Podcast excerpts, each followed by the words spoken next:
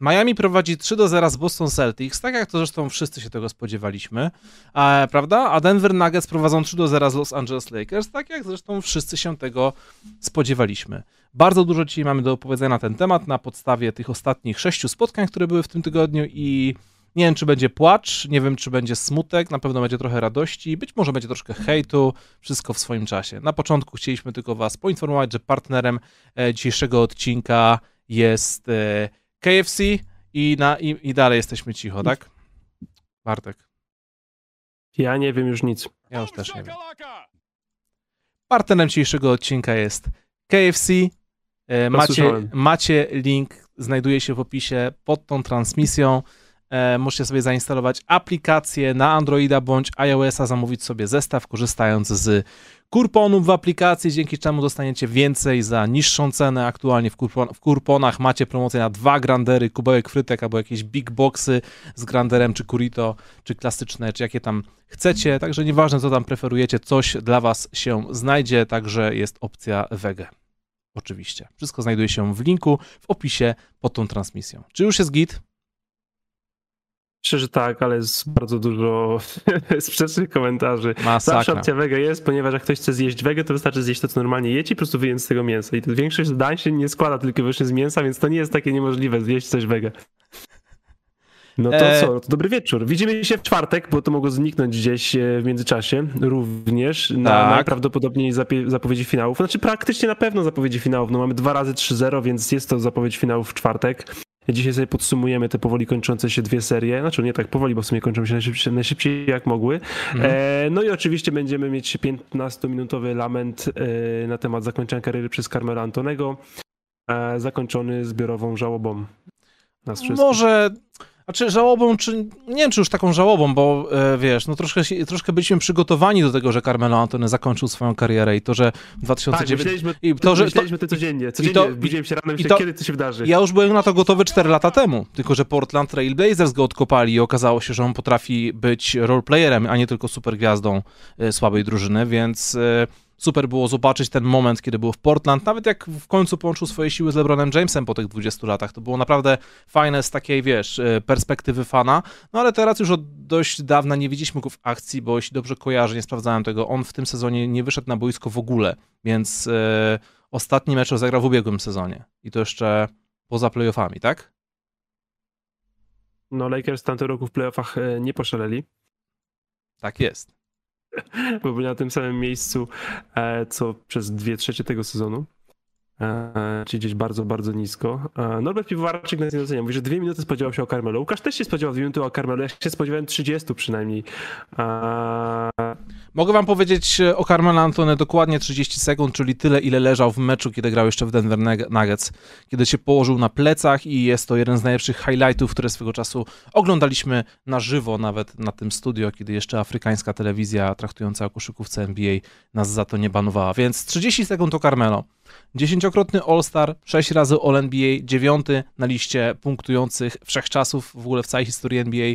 Przypomnę, trzeci pik draftu 2003, pik niżej od Darko Milicicia e, i z takich rzeczy, które osiągnął, to po pierwsze nawrzucał punkty, nawrzucał rekord punktowy 63 albo 61, chyba 63 punkty drużynie, która była tak słaba, że się zwinęła i zmieniła nazwę e, i oprócz tego podczas wymiany do Nowego Jorku Denver Nuggets zyskali prawa do piku, który przerodził się w Jamala Moreya. I to jest super. 60, a to nie 2, 62 walno Bobcats? Bo w ogóle jak ty możesz tak szkalować Bobcats i jak możesz, tak 62 punkty przykrył Łukasz. Trzeba uśrednić twoje wypowiedzi, to wielcy, potężni Charlotte Bobcats, więc proszę, proszę nie umniejszać. Naprawdę tutaj przyszedłeś Łukasz z intencją umniejszenia temu wspaniałemu zawodnikowi. Nigdy nikomu którym... nie umniejszam. Legenda, legenda olimpijska, to na pewno. Tak. Top 75 zawodnik w historii, prawda? Też według oficjalnych wyborów, które zostały dokonane nie przez nas i najprawdopodobniej też nie przez was. Podoba, podobało mi się dzisiaj to, że na Twitterze e, wielu zawodników, czy nawet klubów um, wrzucało jakieś swoje własne wspominki związane z Carmelo Antonem i o ile na przykład tacy Atlanta Hawks musieli sobie strollować i wrzucić zdjęcie słynnej koszulki Carmelo z numerem 4, e, która nigdy e, nie została nawet założona i to jest taki chyba święty graal wszystkich chińskich podróbek na AliExpress, to też na przykład Kevin Durant zamieścił e, screenshoty jakieś swoje stare, jakieś stare zdjęcia z Kevinem Durantem, jakieś jego komentarze jeszcze z, w ogóle chyba z jakiegoś e, przedpotopowego Facebooka i to jest takie fajne, bo jednak mimo wszystko, wiesz no, dwie dekady w branży, troszkę się tam narobiło tych różnych e, przygód, historii, przyjaźni, więc e, nieważne, że Carmelo, nie wiem czy to można tak powiedzieć, e, nie dojechał swoim talentem do sukcesów drużynowych, to na pewno był bardzo ważną postacią ligi przez ostatnie kilkanaście lat. W wideo pożegnalnym fajnie zaznaczył, że to wszystko było większe niż koszykówka, że chodzi też o rodzinne, o, o inne rzeczy. A jak gdzieś oczywiście Twitter zarąbano oczywiście całą kalką tej samej wiadomości, ale kilka osób posiliło się o napisanie aż zdania od siebie. I na przykład beatwriter Oklahoma City Thunder powiedział, że po tym jednym e, roku, gdzie Carmelo grał w Oklahomie, mówi, że to był najfajniejszy gość, z jakim miał do czynienia w tamtym sezonie. Więc mhm. chyba jako człowiek po prostu jest całkiem git. To po prostu nie była super gwiazda w tym rozumieniu super gwiazd samców alfa, których kochamy najbardziej, umieszczamy w top 10 e, bez mrugnięcia okiem. Mhm. e, ale no co, no taki właśnie top 75, a nie top 20. E, Norbert Piwowarczyk zaznacza bardzo, bardzo ważną ciekawostkę, e, czytam wpis czatu, nadmienię jeszcze, że Carmelo ma bardzo fajne imię, czyli Carmelo. To prawda. To jest fajne, nietypowe imię. Tak jest. Z góry dziękuję wszystkim za donaty, za wszystkie wpisy na czacie. E, będą też e, pytanka z kubełka KFC dzisiaj, jeśli ktoś wysłał, zdążył wysłać pytanie na Insta Stories, to pod koniec programu będziemy losować. E, więc oprócz, te, oprócz tego, że pogadałem po prostu o tym, co się działo w lidze NBA w ostatnim czasie, to pewnie będzie sekcja społecznościowa ciut dłuższa niż zwykle. Zanim przejdziemy jeszcze do, do zapowiedzi, zanim przejdziemy do opisywania tego, co się wydarzyło w ciągu ostatnich meczów, e, chciałeś coś dodać? Dobrze. Tak, te jasno-niebieskie jerseje Denver, kiedy Carmelo tam grał z Iversonem, biją wszystkie późniejsze stroje Denver lekko. Możesz a, kontynuować. A nie podobają ci teraz te granatowe stroje e, Mile High? Mi, mają coś w sobie. Podoba, podobają mi się, ale nie są lepsze. Okej. Okay. Bartek, e, rzecz szokująca, rzecz, która się wydarzyła być może za późno, ale, ale w końcu się wydarzyła. Doc Rivers został zwolniony przez Philadelphia 76ers ledwie kilka dni po tym, jak y, podczas konferencji prasowej powiedział coś w tym stylu, że no trudno, w następnym sezonie wrócimy silniejsi. No, trudno. Czy masz jakieś emocje w związku z tym, czy będzie jakiś rant, czy, czy po prostu... Nie, chłodna analiza. Dajesz. E, bo jest to ciekawy ruch, e, bo tak, do klubu e, w, tamte, w tamto lato, wydaje mi się, dobrze, jeśli dobrze pamiętam, Daryl Morey. Mhm. Czyli wiemy, że Daryl Morey ze, z Jamesem Hardenem są tacy. Tylko my jesteśmy bliżej, ty i ja, niż James Harden z Darylem Moreyem. Eee, oni na pewno biorą dwa różne pokoje w hotelu, a kiedy my idziemy do hotelu razem, to myślę tylko o tym, żeby mieć dwa różne łóżka. A i to nie zawsze. E, więc wiemy, że ci dwaj są najbliżej i Morey jest najważniejszą osobą decyzyjną, jeśli chodzi o koszykówkę w Filadelfii, ale wiemy, że najważniejszym koszkarzem w Filadelfii jest Joel Embiid. I Joel Embiid miał relacje z Dociem Riversem bardzo dobrze, bardzo dobre. Mhm. A James Harden nie udawał, że ma bardzo dobre. Nawet jak było o ty, zapy został zapytany na jednym z ostatnich wywiadów, jak oceniłby swoje relacje z Dokiem, powiedział OK. Wydaje mi się, że jak jest taki katalog e, porządne PR-owe odpowiedzi na pytania, to tam jest tysiąc różnych odpowiedzi i nie ma tam odpowiedzi OK na pytanie o relację z trenerem.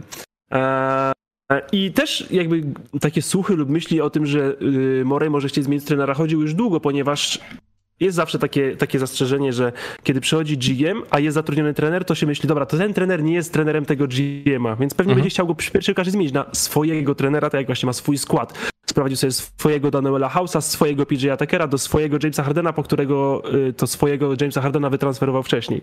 E, więc jest to jeden z ruchów, e, wydaje mi się, które mają tak no, udobruchać Jamesa Hardena. Na pewno nie, nie, nie Joel Embida, ale on się broni sportowo, ponieważ no, historia o prze, przegranych y, serii, kiedy się prowadziło, mówi sama za siebie, więc jakby ten ruch sportowy jest łatwo do obrony, ale wydaje mi się, że to jest oczko puszczone w stronę Jamesa Hardena. I strasznie głupio by było, gdyby po tym wszystkim James Harden odszedł, prawda? Trochę tak, trochę tak. Od ale, swojego ale, ma przyjaciela. Ale doniesienia już, już poszły. O ile można je traktować poważnie, to no wiesz, może, może James Harden już jest na takim etapie kariery, że nie chce już udowadniać, że jest w stanie wygrywać e, w playoffach. Nie, bo to jest tak, że i, jeśli celem Jamesa Hardena jest zdobyć mistrzostwo, to nie wolno mu odejść. Jeśli jego celem jest po prostu dobrze się bawić grając w koszykówkę, to, to, to może sobie odejść, pewnie to zrobi. Ale tak z punktu widzenia takiej relacji GM-trener, no wiesz, Daryl Morey naprawdę robi dla Hardena wszystko od jakichś 8 lat, co tylko ten sobie zażyczy. Mhm. I teraz zwalnia trenera, który mu nie pasuje. Do drużyny, do której go sprowadził, bo mu to pasowało, więc wiesz co, no, jak, jeśli Harden odejdzie, to ja tak, no mówię, jeśli zależy mi jego priorytety, priorytety osobiste oczywiście, ale z takiego punktu widzenia tej relacji GM-koszykarz, która wydaje mi się, no jednak przekracza 99% relacji GM-koszykarz, to byłoby dość kwaśne. Takie, no, no lekko przykiśnięte. Zobaczymy, zobaczymy, jak to wyjdzie. No teraz na pewno przed Filadelfią e, ważne, bardzo ważne lato. Ale pogadajmy o rzeczach pozytywnych, Bartek. Nie wiem, czy Coś można... o Rudy Gobercie? E, e, tak. Jego mentorstwie nad przyszłą legendą e, ligi oraz e, przyszłej gwieździe San Antonio Spurs. W zeszłym roku tak po cichu życzyłem sobie, że ale byłoby fajnie, jakby, jakby Spurs wzięli dziewiątką Sohana, ale z drugiej strony dziewiątka ciut wysoko, Sohan pewnie nie będzie tak wysoko i no cóż, okazało się, że jednak się stało to, co chciałem, a w tym roku stało się to, co sobie wymarzyłem. Mówiłem cały czas od samego początku, Wiktor Wembanyama musi być wybrany z numerem jeden. Loteria draftu musi wybrać, e, loteria draftu musi być na korzyść San Antonio Spurs, biorąc pod uwagę to, że w ostatnich latach Detroit już mieli jedynkę, zdobyli Cade'a Cunninghama, e, Houston Rockets mieli dwójkę, mieli, mieli Jalena Greena, więc e, nie możemy za każdym razem, razem nagradzać przegrywów, w sensie tych samych za każdym razem, więc bardzo się cieszę, że akurat y, szczęście uśmiechnęło się w stronę San Antonio, w szczególności akurat w takim roku, kiedy mamy tutaj Wiktora Wembaniamę. Bardzo podobało mi się to, że Jeremy Sohan w sekundzie zdążył zatweetować coś po francusku, przedstawić się Wiktorowi. Bardzo spodobało mi się to, że wszystkie już doniesienia mówią, że tam Tim Duncan, Tony Parker, Manu Ginobili określili się, że będą mentoro mentorować Wiktorowi, że mu z chęcią pomogą się wdrożyć do klubu i w ogóle bardzo mi się podobało to, że Greg Popowicz y, odmłodniał o 20 lat, jak się dowiedział powiedział o tym, że będzie, będzie wybierał z pierwszym pikiem i w sekundzie się zabrał samolot do Paryża, żeby się pewnie ustawić e, na bezpośrednie spotkanie z Wiktorem, żeby mm, zobaczyć, czy ten chłopak e, mm, oprócz talentu koszykarskiego ma też w głowie to coś, więc e, super sprawa, cieszę się bardzo i w związku z tym jeszcze mam jedną rzecz, którą chciałem się bardzo pochwalić, chyba, że to jest bardzo ważne, bo zrobiłeś ten, jest to Może bardzo... Greg Popowicz by się wybrał do biura GMA i na przykład podpisał kontrakt na przyszły sezon. Żeby to trenować tę drużynę to, to, to, się wydarzy. Najpierw musiał polecieć do Paryża. Otóż, Bartku, byłem w ostatni weekend e, między innymi na zlocie kolekcjonerów kart NBA. Świetna sprawa. E, zobaczyłem mnóstwo interesujących kart, też cholernie drogich, takich z gatunku, wiesz, e, certyfikowane autografy, e, fragmenty koszulek, tudzież parkietu, na którym były rozgrywane, na którym te gwiazdy grały. No cóż, te karty były ciut dla mnie za drogie, żeby sobie je tak dorwać czy coś. Kupiłem jakiegoś boksa, nic tam mi nie wypadło, ale dzięki mojemu koledze Kubie, któremu podarowałem bezcenną kartę Garrisona Matthewsa z Houston Rockets. Kuba jest wielkim fanem Houston Rockets. Dostałem dwie karty z San Antonio do kolekcji. Jedna z nich, to uwaga, Joshua Primo. Przypomnę, przypomnę, Joshua Primo, to jest, ten zawodnik jeszcze chwilkę temu był, był graczem San Antonio Spurs, więc e, to taki wkładam, wkładam do kotła, a tak na serio mam swoją pierwszą kartę Jeremiego Sohana więc mam do kolekcji i w przyszłym roku mam nadzieję, że dołączy do tego jeszcze kolekcja Wiktora Łębaniamy. Również w trykocie San Antonio. Lima był Sohanem dla San Antonio przed Sohanem, wiesz, 11 pikiem. E, młody, podkładamy w nim duże nadzieje, nie nakładamy na niego za dużej presji. No ale... Cieszę się w każdym że masz kartę e, Jeremiego. E, Jeremiego Sohana. E, I tak, zgadzam się z tym, co powiedziałeś. Cieszę się, że Houston Rockets nie zostali nagrodzeni, bo to już trochę za długo w tym top 3. E, to jest jeden, jeden z tych pomysłów na, na temat reformy lotery draftu, że ja się z nim zgadzam, że też to można by wprowadzić, że nie można wybierać w top 3 więcej niż dwa albo trzy razy z rzędu. W sensie, jak jesteś po trzech wyborach w top 3 z rzędu wciąż na dole, to twój pik spada po prostu, bo nie powinieneś wybierać. Nie wiesz, nie można tankować w nieskończoność, nie, nie można 6 lat wybierać w top 1, top 2, top 3, top 4. No. Więc nie mam z tym żadnego problemu, że ten ich pik spadł. Tak jak mówisz, no Pistons mieli jedynkę, Orlando mieli jedynkę, znaczy Pistons akurat tam nic, nic nie, nie, nie zawinili, Charlotte Hornets to Charlotte Hornets, więc oczywiście wszyscy wiedzieliśmy, że nie, wy, nie wylosują jedynki e, i Michael Kidd już się tam rozgrzewa, e, żeby zrobić dobry, dobry draft combine, zrobić zarąbisty dosiężny i, i wylecieć sobie do Charlotte. E, Nie mogę z czatu. Eee, no i co? Primo to miał być ten gość, ale faja mu wyskoczyła. Pozdrawiamy, pozdrawiamy pana Bolca. Może, żeby ci karta nie wypada ze spodni. Jest. No fajne, fajne. No, e, a, a propos tego mentoringu e, Wiktora, gdzie tam się właśnie Ginobili, Duncan i, e, i Parker zgodzili, czyli, czyli Rudy Gobert nawet nie jest top 3 mentorów e, Wiktora. No nie jest top 3 mentorów, ale Rudy Gobert y, już miał okazję się wielokrotnie spotykać, nawet trenować z Wiktorem Baniamą, tylko że to było jeszcze, wiesz, parę lat temu, bo bodajże, jeśli dobrze kojarzę, Baniama jest chyba z tej samej szkółki, z której pochodzi Rudy Gobert, więc mieli okazję się spotkać, nawet gdzieś tam mi mignęło na YouTubie jakiś ich pojedynek, że o, Rudy Gobert gra z wielkim talentem koszykarskim 15-letnim, coś takiego. Znajdziecie to na YouTubie, jeśli sobie wklepiecie. Gdzieś widziałem na Twitterze, że mentoring e, Parkera, Ginobliego i, i Duncana objawi się w taki sposób, że przyjadą i powiedzą mu, jak występować w tych reklamach HEB, tej sieci e, marketu, bo to są najlepsze rzeczy, co się dzieje w San Antonio. Tak. E, I mam prośbę do ciebie, Łukasz. No. Jak w przyszłym roku kadra Francji będzie grała i w pierwszej piątce wyjdzie Wembanyama z Embidem, a Gobert zacznie na ławce, to nie pytaj mnie o ten mecz, bo nie wytrzymam. Dobrze. Myślisz, że to już będzie klepnięte, że Embiid tam będzie? Ja nie jestem tego taki stuprocentowo pewny. Ale jeśli Gobert będzie wychodził z ławki w kadrze, to nie tak, pytaj mnie no nigdy to o tak, Dobrze, dobrze, to, to, to, to, ja to rozumiem. Swoją drogą chciałem pozdrowić osobę, która rzuciła takim tekstem ostatnio, że cieszy się, że jedynka poszła do San Antonio, a nie do Detroit, bo yy, obie te drużyny mają tutaj fajną historię szkolenia francuskich graczy, ale z bardzo różnym skutkiem. Po, San, po stronie San Antonio mamy Tonego Parkera oraz, e, oraz Borisa Diaw, a po stronie Detroit mamy Kliana Hayesa i... E, Sakudumbuya? Sakudumbuya jest taki człowiek, no. Znaczy no. jest y, Francuzem. On nie jest Nigeryjczykiem. A jest francuski koszykarz, dobrze. W każdym razie, cieszmy się wszyscy, fani San Antonio. Populacja, populacja fanów San Antonio zwiększa się z roku na rok. Strasznie mi się to podoba. W zeszłym roku był Sohan, w tym roku będzie Wiktor Wembanyama. E, liczę na to, że do pięciu lat ta drużyna stanie się już, e, może nie drużyną mistrzowską, chociaż super by było, ale drużyną, która będzie, no po prostu wróci do stabilnej, playoffowej formy na minimum drugą rundę.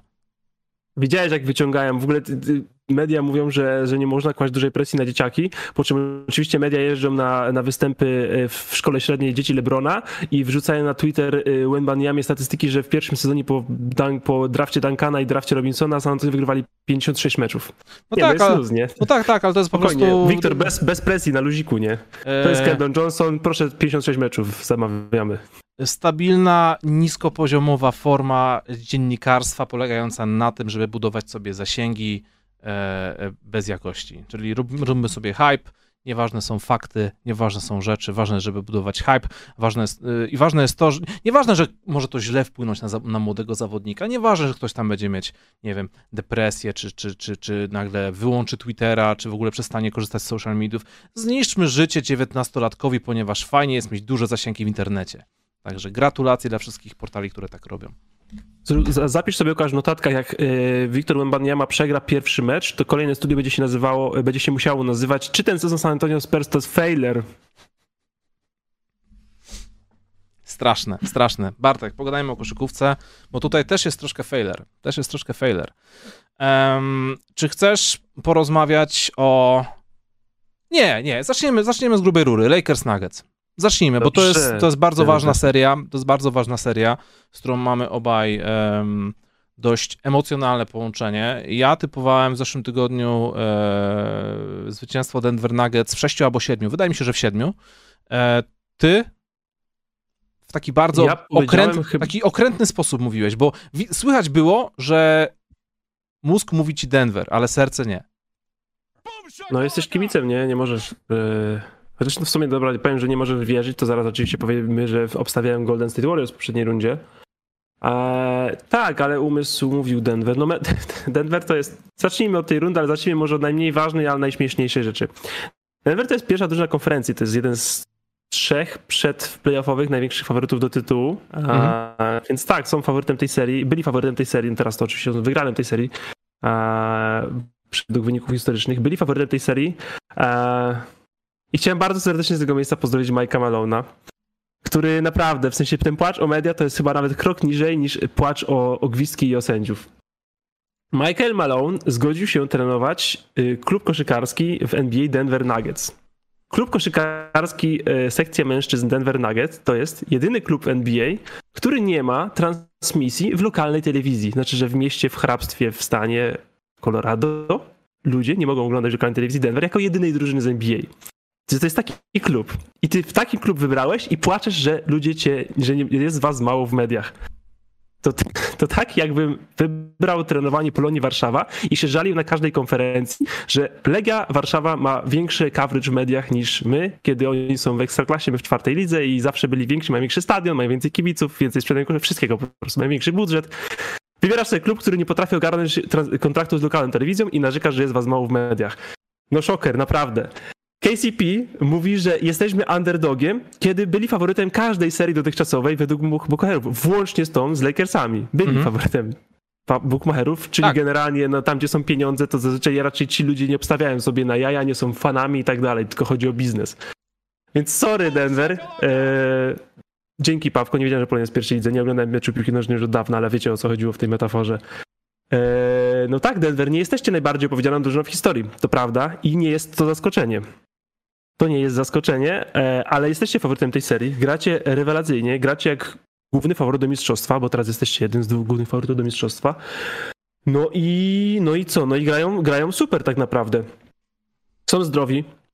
Nikerek jest wspaniały, nie ma na niego rozwiązania jednoosobowego, a dwuosobowe e, jest zaraz jechane przez takich ludzi jak Jamal Marek, który jest chyba drugim najlepszym zawodnikiem tej serii, może trzecim, a na pewno jest najlepszym nie centrem. Zdecydowanie drugim. Zdecydowanie drugim? Dwóch najlepszych graczy tej serii znajduje się po stronie, e, po stronie Denver Nuggets. Dobrze, ja powiem, że jest najlepszym nie centrem, e, nie centrem tej serii, a, bo jednak w obronie jest trochę rypany, a wydaje mi się, że, że musimy pamiętać o dwóch stronach boiska, ale to, co w ataku wyprawia, no to jest, to jest, to jest, to jest, to jest, to jest, no to jest poziom Jimmy'ego Butlera. No i tak, są zdrowi, mają MVP, mają drugiego według ciebie najlepszego zawodnika, są świetnie trenowani przez Mike'a Malona, mają ośmioosobową rotację, rotację, która ma bardzo dużo sensu, mają przewagę fizyczną, przewagę parkietu i wszystko to wykorzystali po kolei. A okay. Lakers są we wszystkim trochę słabsi i w żadnym meczu nie dopisało im szczęście. Bo to jest tak, że moglibyśmy dzisiaj przyjść z, do tego programu z 2-1 i można było każdy z tych jeden meczów urwać, jeśli mówię, mieliby trochę więcej szczęścia w końcówce, może kilka piłek poleciałoby lepiej. Szczególnie wydaje mi się, że to było widać w meczu numer 3, chociaż najbliżej zwycięstwa moim zdaniem był mecz numer 1, ale nie zmieniałoby to faktu, że Denver jest we wszystkim trochę lepsze. I tak właśnie to wygląda. Też widziałem gdzieś taki krótki opis tych meczów, że to jest tak. Denver odskakuje na 10-15 punktów, troszkę luzują, Lakers ich dochodzą, oni odskakują, znaczy spinają się, odskakują, trochę luzują, Lakers dochodzą i tak sobie to trwa. Bo rzeczywiście wszystkie pierwsze kwarty wygrywa Denver. To akurat nie jest szok, szczególnie, że dwa mecze były wygrane, były grane w Colorado, ponieważ y, no jest ta słynna różnica wysokości, że się po prostu zatyka po pierwszych pięciu minutach na, na, na, tych, na tym parkiecie. Oni powinni oczywiście wygrywać te, te, te pierwsze kwarty, no ale wygrywają je, ustawiają te mecze, a Lakers Lakers, którzy mają problem z przejściem do transition, którzy w pierwszym meczu nie potrafili zebrać piłki na własnej desce i tu jest minusik dla Darwina Hama. Ja absolutnie nie rozumiem tej decyzji w pierwszym meczu, żeby wyjść niskim składem z Lonnie Walkerem. Ja mówiłem przed, w zapowiedzi, trzeba skład podwyższać, bo jeśli coś możesz odebrać Denver, to jest przewaga fizyczna. Bo możesz wyjść Ruim, LeBronem Davisem, możesz wyjść Troyem Bryanem Juniorem, LeBronem Davisem, możesz wyjść Vanderbiltem, LeBronem Davisem i możesz być chociaż trochę większy przez chwilę. A, i, te, I tego nie ma, nie ma przewagi fizycznej, nie było gry w transition, bo nie potrafię zbrać włas, piłki z własnej tablicy. No i potem tak naprawdę był ten comeback, jeden, drugi, a, który nie zakończył się sukcesem. Mówię, brakło im trochę, nie, nie, do, nie, nie brakło im szczęścia. Nie dopisało Lakers szczęście w końcówce żadnego z tych meczów, na tyle, żeby to było 2-1, ale drużyna wyraźnie lepsza wygrywa. E, I tak sobie pomyślałem po tym ostatnim meczu, bo Denver dało Lakers cztery drugorundowe piki za, za, za Bryanta, prawda? Mhm. Pomyśl sobie, co było, jakby Denver dało te cztery drugorundowe piki Waszyngtonowi za Rui Hachimurę. Jaka to byłaby drużyna? Jakbyś mógł wyjść z ławki frontcourtem Gordon Hachimura.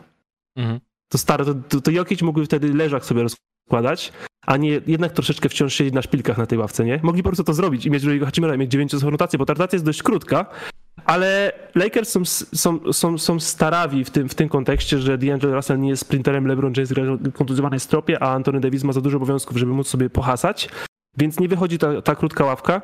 No a w finale z Miami tym bardziej nie wyjdzie, bo Miami to w ogóle jak Miami wczoraj grało, kra, yy, przepraszam, garbage time, to nie miało kim wyjść na z ławki. W sensie Kyle Lowry grał do końca tego meczu, bo tam nie ma zawodników, którzy mogliby wyjść nawet kiedy prowadzisz 30 i 37 latek musi grać. Mhm. No więc ta drużyna, sorry, no nie wykaże ci e, nie wykaże ci krótkości twojej ławki, więc Denver w tym e, kontekście akurat e, całkiem pomyślnie się ta drabinka układa, ale tą ósemką, którą mają, którą grają, grają rewelacyjnie i mówię, i to są zawodnicy, to jest trener, to jest przewaga parkietu wykorzystana, to jest zdrowie, które, które im dopisuje, więc no na razie układa się to wszystko dla nich e, bardzo, bardzo dobrze.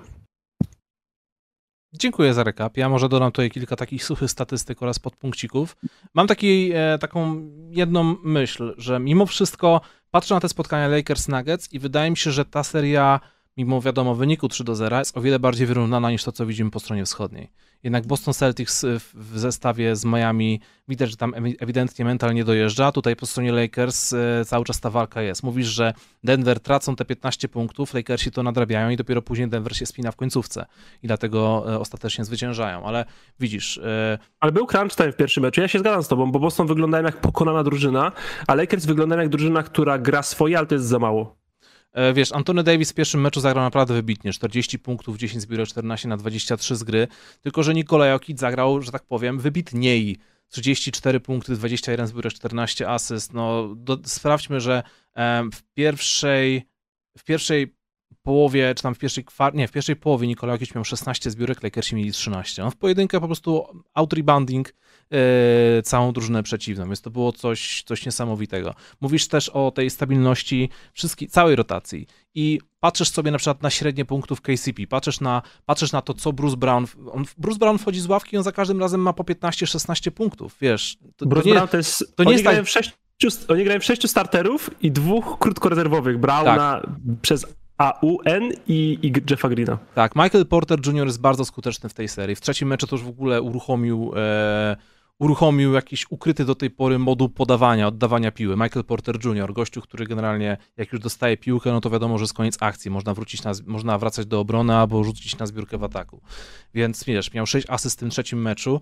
Um, powiem ci tak, w zeszłym tygodniu mówiłem, że co ten KCP może zrobić Lakersom i patrzę na KCP i ja widzę, widzę w jego oczach e, taki, taki, taki, taki naprawdę, on, on tu jest na misji, on próbuje coś udowodnić. I nawet nie chodzi o to, że średnia punktów, sprawdziłem sobie, w poprzednich dwóch seriach KCP zdobywał po 10-10,5 punkta na mecz, w tej serii zdobywa 15 na bardzo dobrej skuteczności. Ale są na przykład takie sytuacje, często robi się tak, że kiedy na przykład drużyna przeciwna oddaje rzut już po gwizdku, to zawodnicy podkoszowi e, skaczą do, do takiego goaltendingu jakby, żeby ten przeciwnik żeby już nie wiesz, nie podjarał się, że trafił jakiś tam rzut po Nie łapał rytmu, nawet nie, nie, poza Nie łapał rytmu, dokładnie.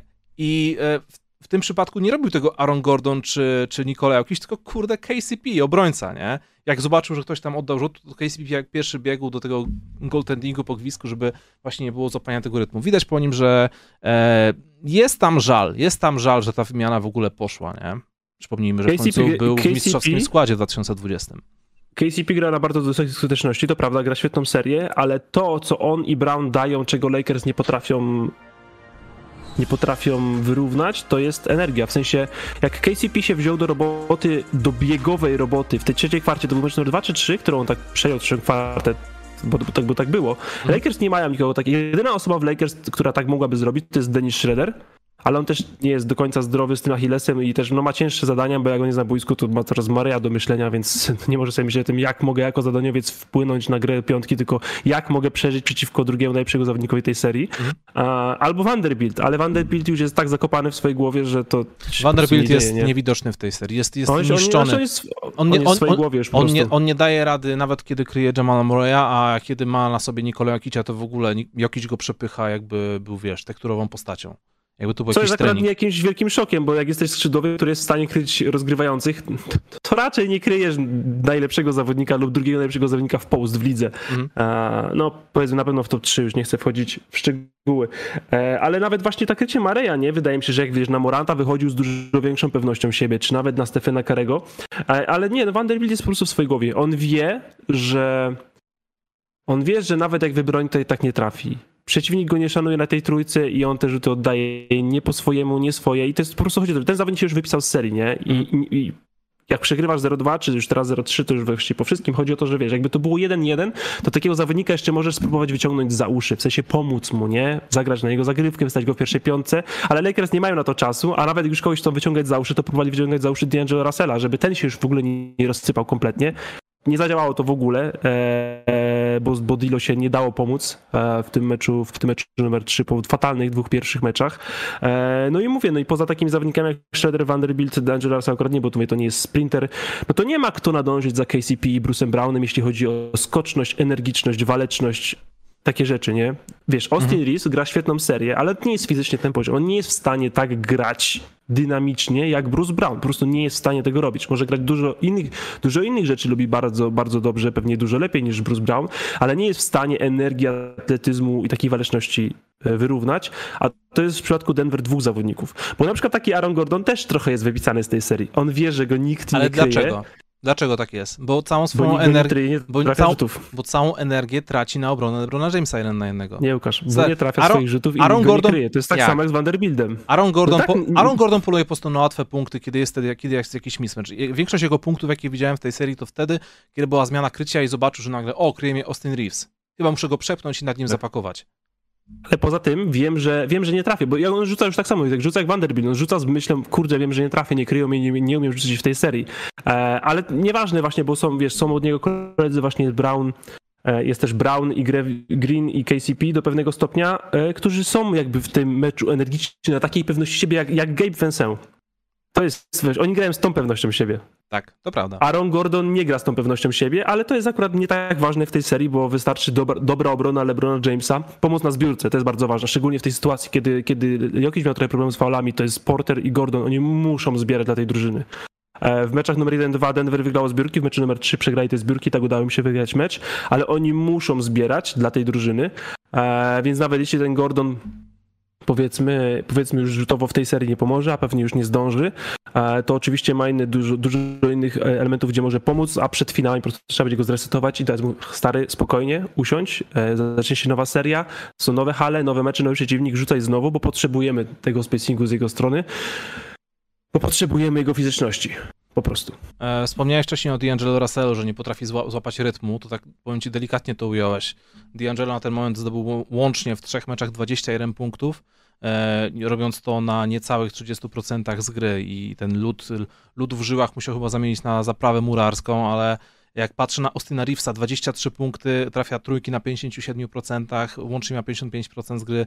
Jest to najef najefektywniejszy strzelec Los Angeles Lakers i widać po nim, że mm, ten brak fizyczności u niego nie jest aż taki e, widoczny. Wydaje mi się, że bardziej e, liczyłbym tutaj na to, żeby Darwin Ham dawał mu więcej okazji do rzutów, do, do rzutów, do przejmowania tej gry, bo kiedy on ma piłkę w ręku, to z reguły dzieją się dobre rzeczy.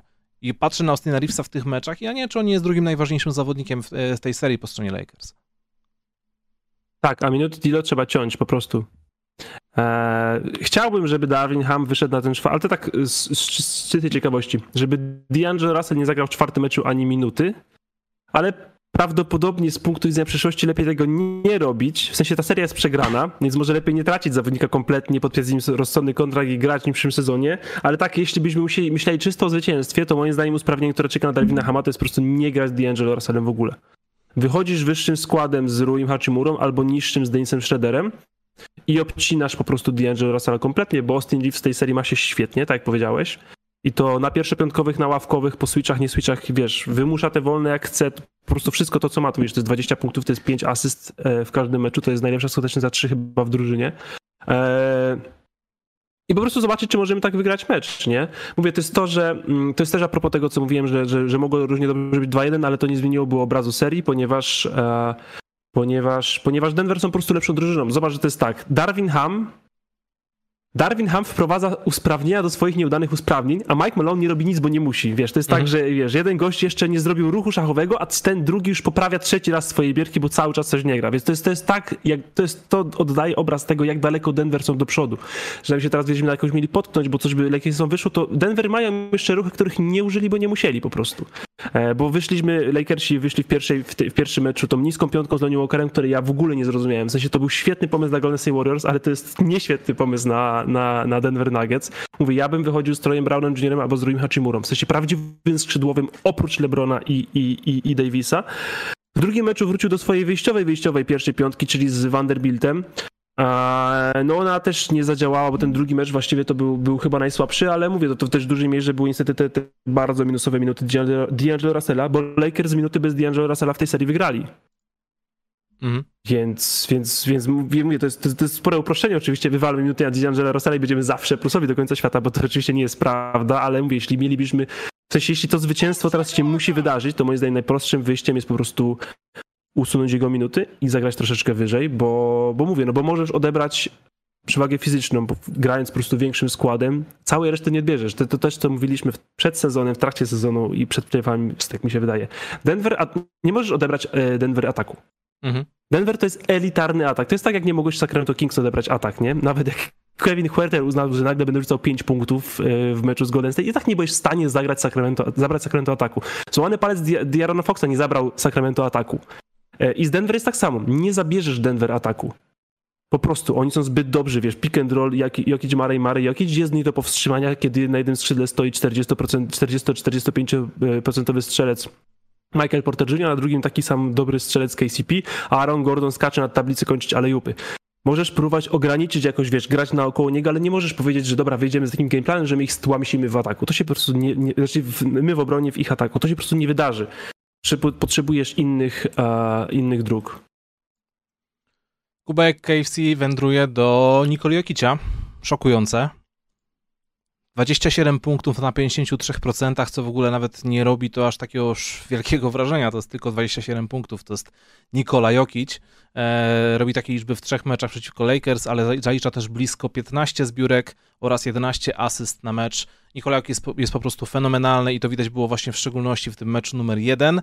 E, ale to, co powiedziałeś, że kiedy zaliczył słaby mecz, o ile można nazywać go słabym, bo w trzecim spotkaniu, o którym mówię, Jokic miał 24 punkty, 6 zbiórek, 8 asyst y, na mecz, y, w meczu, 9 na 19 z gry. Grał mało i nie trafiał, miał problemy z faulami i było naprawdę super, że dostał mnóstwo pomocy ze względu na e, świetną dyspozycję całej, całego składu. Był MPJ, KCP, Bruce Brown, po prostu super. KCP ale... kwarta, to jest ten mecz, trzeci mecz, tak? tak Jokic schodzi z faulami, całą trzecią kwartę i KCP przejmuje kwartę. Tak, ale Jamal Morris robi w tej serii. Jamal Murray, widać po nim, to jest właśnie ten, to jest właśnie ten myk, że e, Mike Malone e, przyjął, mówiłeś o tym wcześniej, przyjął robotę w miejscu, w którym wiedział, że nawet jeśli będzie lepszy od kogoś tam, to ktoś tam będzie, będzie po prostu więcej hypu, bo tam jest po prostu więcej hypu i tyle. I Jamal Murray ma dokładnie to samo. On już powinien należeć do tego grona elitarnych graczy, wiesz, e, nie wiem, Donovan Mitchell chociażby, czy półka, te, tego typu półka, ale mało osób o nim mówi, bo jest po prostu tym drugim gościem z Denver Nuggets, był kontuzjowany i jeszcze nic nie udowodnił, po czym mamy finały konferencji i on to udowadnia, robiąc 35 punktów na 50% skuteczności. I powiem Ci, że e, to, co zrobił w meczu numer dwa, to był Jason Tatum game, bo nie wiem, jak to inaczej można nazwać, kiedy Jamal Murray przez pierwsze trzy kwarty był tragiczny, trafił 5 na 17 zrzutów, po czym wydarzała się czwarta kwarta, w której zdobył 23 punkty, trafił 6 na 7 z gry, w tym trafił 4 trójki, dało to serię 15 do 1 dla Denver Nuggets i dzięki temu wygrali. I była w, drugim meczu była taka sytuacja, która też ze względu na nasz polski akcent została dość mocno e, puszczana w, w, w, w polskim internecie, mianowicie flop. Flop LeBrona Jamesa po tym, jak Nikola Jokic go odepchnął. E, na pewno wiesz, o której sytuacji mówię. Jeremy Sohan to zatweetował, mówiąc, dlaczego król, w cudzysłowie jeszcze napisał król, król James flopuje tak mocno. I za chwilę możemy przejść do tego, mm, żeby ocenić, nie wiem, tego, tego tweeta. E, czy według Ciebie był to taki e, flop, flop, taki chamski flop, czy raczej próba sprzedania faulu? Pół na pół. W sensie tam po prostu był trochę kontaktu, który LeBron uznał, uznał że sprzeda najlepiej, jak może w tym momencie. E, jeszcze nawiązując do tego Mareja, o którym wspomniałeś. Oprócz Game 7 pierwszej rundy Stefana Karego, najlepszy występ w konferencji zachodniej w playoffach w tym sezonie to jest Jamal Murray i to jest mecz, który składa się z pierwszej, drugiej, trzeciej kwarty meczu numer 3 i czwartej kwarty meczu numer 2. To jest, to jest ten cztery kwarty z jeden mecz, to, to jest najlepszy występ. Czwarta kwarta do meczu numer dwa i pierwsze trzy mecze numer trzy przez, przez Jamala Maria. Po prostu tak. on, on jak wszedł w tą pierwszą kwartę z tymi strójkami w koźle w meczu numer trzy, to jakby w ogóle nie zszedł z boiska po, po meczu numer cztery, tylko że po meczu numer dwa, po czwartej kwarcie, tylko że to były inne hale w ogóle, ale on tam schodził w ogniu no zdobył, i po prostu wrócił w ogniu. 40 punktów łącznie zdobył przez te tak, kwarty. I, I, po prostu wszedł jakby, jakby, jakby, jakby z timeoutu wychodził. Tak. jak ten mecz się nie skończył poprzedni, jestem teraz w ogniu, po prostu idę i, i, i, e, i parę truje, nie? Bo to tak. o to chodziło tak naprawdę, bo, bo jasne, że można grę dominować na wiele sposobów, można być fenomenalny na, na wiele sposobów, a to, czego Denver potrzebował i co Jamal Murray dostarczył, to jest tak, nie wyszedł nam atak, to ja po prostu biorę piłkę, robię kozioł, step back i trafiam pięć rzutów z rzędu. No to, co zrobił, no co, to, co zrobił w tej czwartej kwarcie, to było coś naprawdę super. On w pojedynkę pociągnął Denver do, do zwycięstwa. Jak miał jakieś takie rzuty stylu step back, e, step back truje nad Antonem Davisem, dwa razy rzucił w twarz Papuccino nad LeBronem Jamesem.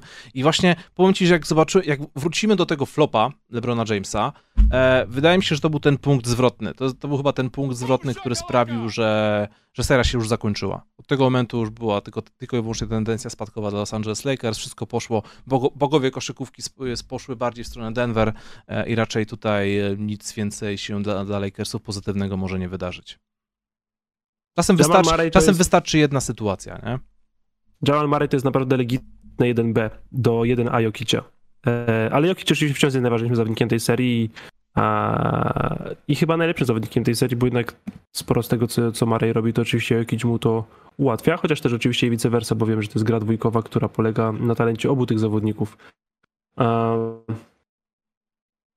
Czy podsumowujemy już krótko, czy y, już powoli, czy ja bym chciał, y, Ja bym chciał powiedzieć Mam pytanie do ciebie. O, o LeBronie Jamesie. Chciałem, chciałem, okay. chciałem pogadać chwilkę, ponieważ y, widać, doskonale wiemy, że on ma problem z tą, z tą stopą i dlatego ma taki problem z atletyzmem, z bieganiem na boki, z obroną, czymkolwiek, ale w tej serii oprócz tego braku atletyzmu, to coś mi najbardziej obiło, po prostu zobaczyłem, to mnie najbardziej zabolało, to jego decyzyjność bo owszem, ciało może nie dojeżdżać, możesz być stary, może cię boleć w ogóle, ale to chyba nie daje ci powodów do tego, żeby e, oddawać cegłę za cegłą, tracić piłkę w ważnych momentach, czy podawać piłkę w ogóle prosto w ręce obrońców. I przed tą serią właśnie gadaliśmy o tym, że LeBron James to jest taki piękny umysł, tak jak Nikola Jokic zresztą, i to będzie pojedynek dwóch szachistów. I wydaje mi się, że w tej serii LeBron James jakby e, nie wiem, no przyszedł, przyszedł, przyszedł grać trochę w warcaby. Nie widać po nim tego wielkiego umysłu popełnia złe decyzje. I jak patrzę na, zobaczyłem właśnie w tym drugim meczu, już pomijając nawet ten flop, e, wydaje mi się, że LeBron James przegrał ten mecz.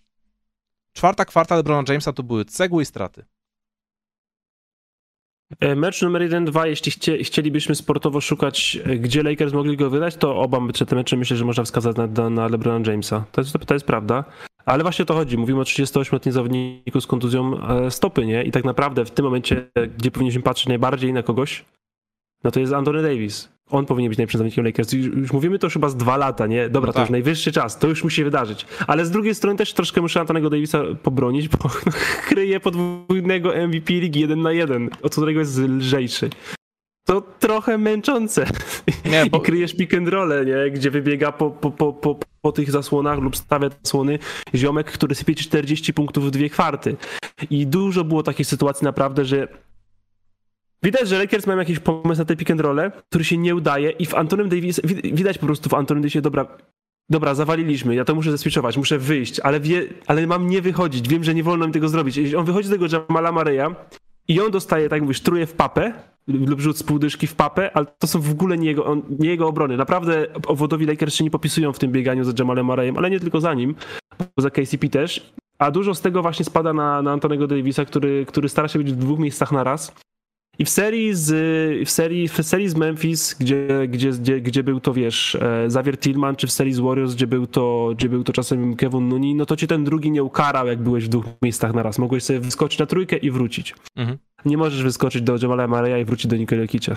Jesteś albo przy jednym, albo przy drugim. Nie, jest, nie możesz być między nimi. Jesteś, jesteś, jeśli jesteś między nimi, to nie jesteś nigdzie. Mhm. E, no i wiesz, ale chodzi o to, że właśnie LeBron James nie jest w stanie dać więcej, bo zobacz, mecz numer 3, 23 punktów, 12, 23 punkty, 12 asyst. Super, co z tego, za mało. Marej sypie dwa razy więcej punktów, po prostu jest, jest najlepszym niecentrem, a normalnie najlepszym niecentrem na boisku, w którym gra LeBron James jest LeBron James. Po prostu LeBron James gra 38 latek. No tak. I to jest no za no mało. To jest no za mało. On no jest nuggets, w stanie zdobywać no, punktów. No i Nuggets trafiają trójki na potęgę. I, I właśnie o to chodzi. LeBron nie zdobywa praktycznie punktów w ataku pozycyjnym. On zdobywa punkty z kontry, wiesz, nie trafia tych trójek swoich. E, w post-up rzeczywiście tam w pick and rollu, no w pierwszym, drugim meczu szczególnie zaczął, no niszczył Mareja strasznie w tych post-upach czy w niższych zawodników i, i w pick and rollach, ale potem po prostu Denver zaczęło tam przechodzić drugim zawodnikiem, no i LeBron odrzucała poza Austinem Reevesem, nikt nie daje trójek. No Rui trochę jeszcze trafia. Ale to jest, wiesz, no oddaje piłkę, pas, pas, znaleźliśmy Vanderbilla, o ekstra. Oddaje piłkę po podwojeniu pas, pas, znaleźliśmy Schroedera, ekstra. To jest dobra obrona dla Denver, to jest zły atak dla Lakers i, i, i LeBron nie może po prostu, nie jest w stanie już zrobić czegoś takiego. Przychodzi do mnie podwojenie, nie chcę znaleźć Shreddera, więc po prostu biorę dwóch obrońców i ich zjadam. Nie mhm. jestem w stanie tego zrobić, mam 38 lat, mogę zrobić jeden spin move w akcji, bo dwóch się boję, albo już nie jestem w stanie tego zrobić. A... I wiesz, i Jokicza, Gordona, a już nawet Fagrina tak nie do końca może wgnieść, bo po prostu to już nie to samo, co było. Pamiętaj o tym pytaniu. E, ja tylko chciałem powiedzieć taką rzecz, że Denver Nuggets e, za czasów swojej bytności w lidze NBA nigdy nie byli tak blisko finałów. Do tej pory maksymalnie zdobywali po dwa zwycięstwa w finałach konferencji, więc e, jeśli ten awans się wydarzy, a pewnie się wydarzy, bo nikt nie wyszedł jeszcze z serii 3 do 0, ale widziałem, że były, były trzy drużyny na 140 bodajże 6 przypadków, które doprowadziły do meczu numer 7, więc, no, więc, 3, 3, więc tak. tutaj chociaż jest jakaś szansa na ten mecz numer 7, chociaż kurde wątpię, niska raczej jest ta szansa. Więc super byłoby zobaczyć Nuggets w końcu w tych finałach NBA i w końcu zobaczyć dwukrotnego MVP, który gra w tych finałach i być może nawet zdobywa mistrzostwo i powiem ci, Nikola Jokic już jest pewniakiem do zdobycia tej nagrody Magica Johnsona dla najlepszego zawodnika playoff z zachodniej konferencji. wydaje mi się, że ta nagroda będzie miała większe znaczenie niż MVP w tym roku. Niech zdobędzie MVP finałów. My jesteśmy, Łukasz, wiesz, my, się, my zaczęliśmy robić program, kiedy nie było tej nagrody, więc będziemy ją konsekwentnie ignorować przez 20 lat. I dopiero jak będzie profesjonalne studia NBA Junior robione przez nasze dzieci albo nasze psy, kiedy dostaną już technologię, która pozwoli im mówić, to oni mhm. będą o tej nagrodzie mówić. Dawaj pytanie. E, tylko to będzie już pytanie podsumowujące to, przechodzące do tak, kolejnej już, serii. już nic więcej o tej serii. I oczywiście jedynym pytaniem, które pozwoli nam płynnie przejść z jednej do drugiej, to jest Łukasz. Kto według Ciebie ma większe szanse urwać minimum jeden mecz? Lakers czy Celtics? E, Lakers. Okej, okay. czyli obstawiasz 4-1 najprawdopodobniej? Nie obstawiam 4-1, bo jak już przegrywasz, okay. 3, jak już przegrywasz 3 do 0, to tak, patrząc, na, patrząc, na, patrząc, na, patrząc na stopę LeBrona Jamesa, ja nie jestem pewny, czy on powinien mm, tam walczyć, e, wiesz, przed, przed off-season. Tak, ale to, to, to był zły wniosek, to jest absolutnie błąd logiczny z mojej strony, bo zapytałem cię, co jest większą szansą, co ma większe szanse na wydarzenie się, zwycięstwo Lakers czy Celtics, a nie co obstawiasz, że się wydarzy. No. Powiedziałeś, że raczej, znaczy prędzej wygrają Lakers niż Celtics, ale nie powiedziałeś, że raczej Lakers wygrają niż Nuggets, to prawda, eee, ale przejdźmy do drugiej, do drugiej pary. E, ja chciałem też tylko... Myślę, że, też, myślę, że, też myślę, że Lakers, ponieważ grają u siebie, mhm. ponieważ e, Denver Nuggets nigdy nikogo nie zasypowali jeszcze w historii. Myślę, że LeBronowi ktoś podstawi Twitter na sekundę, chociaż żeby to wiedział. I, Lebron, I tak jak mówię, Lakersi grają w miarę swoje i są po prostu słabsi. A Celtics wyglądają jak drużyna pokonana. I zapraszamy do serii numer dwa. E, ja bym chciał tutaj wrócić do tematu e, mojego filmu z, z ubiegłego tygodnia, który w końcu się pojawił.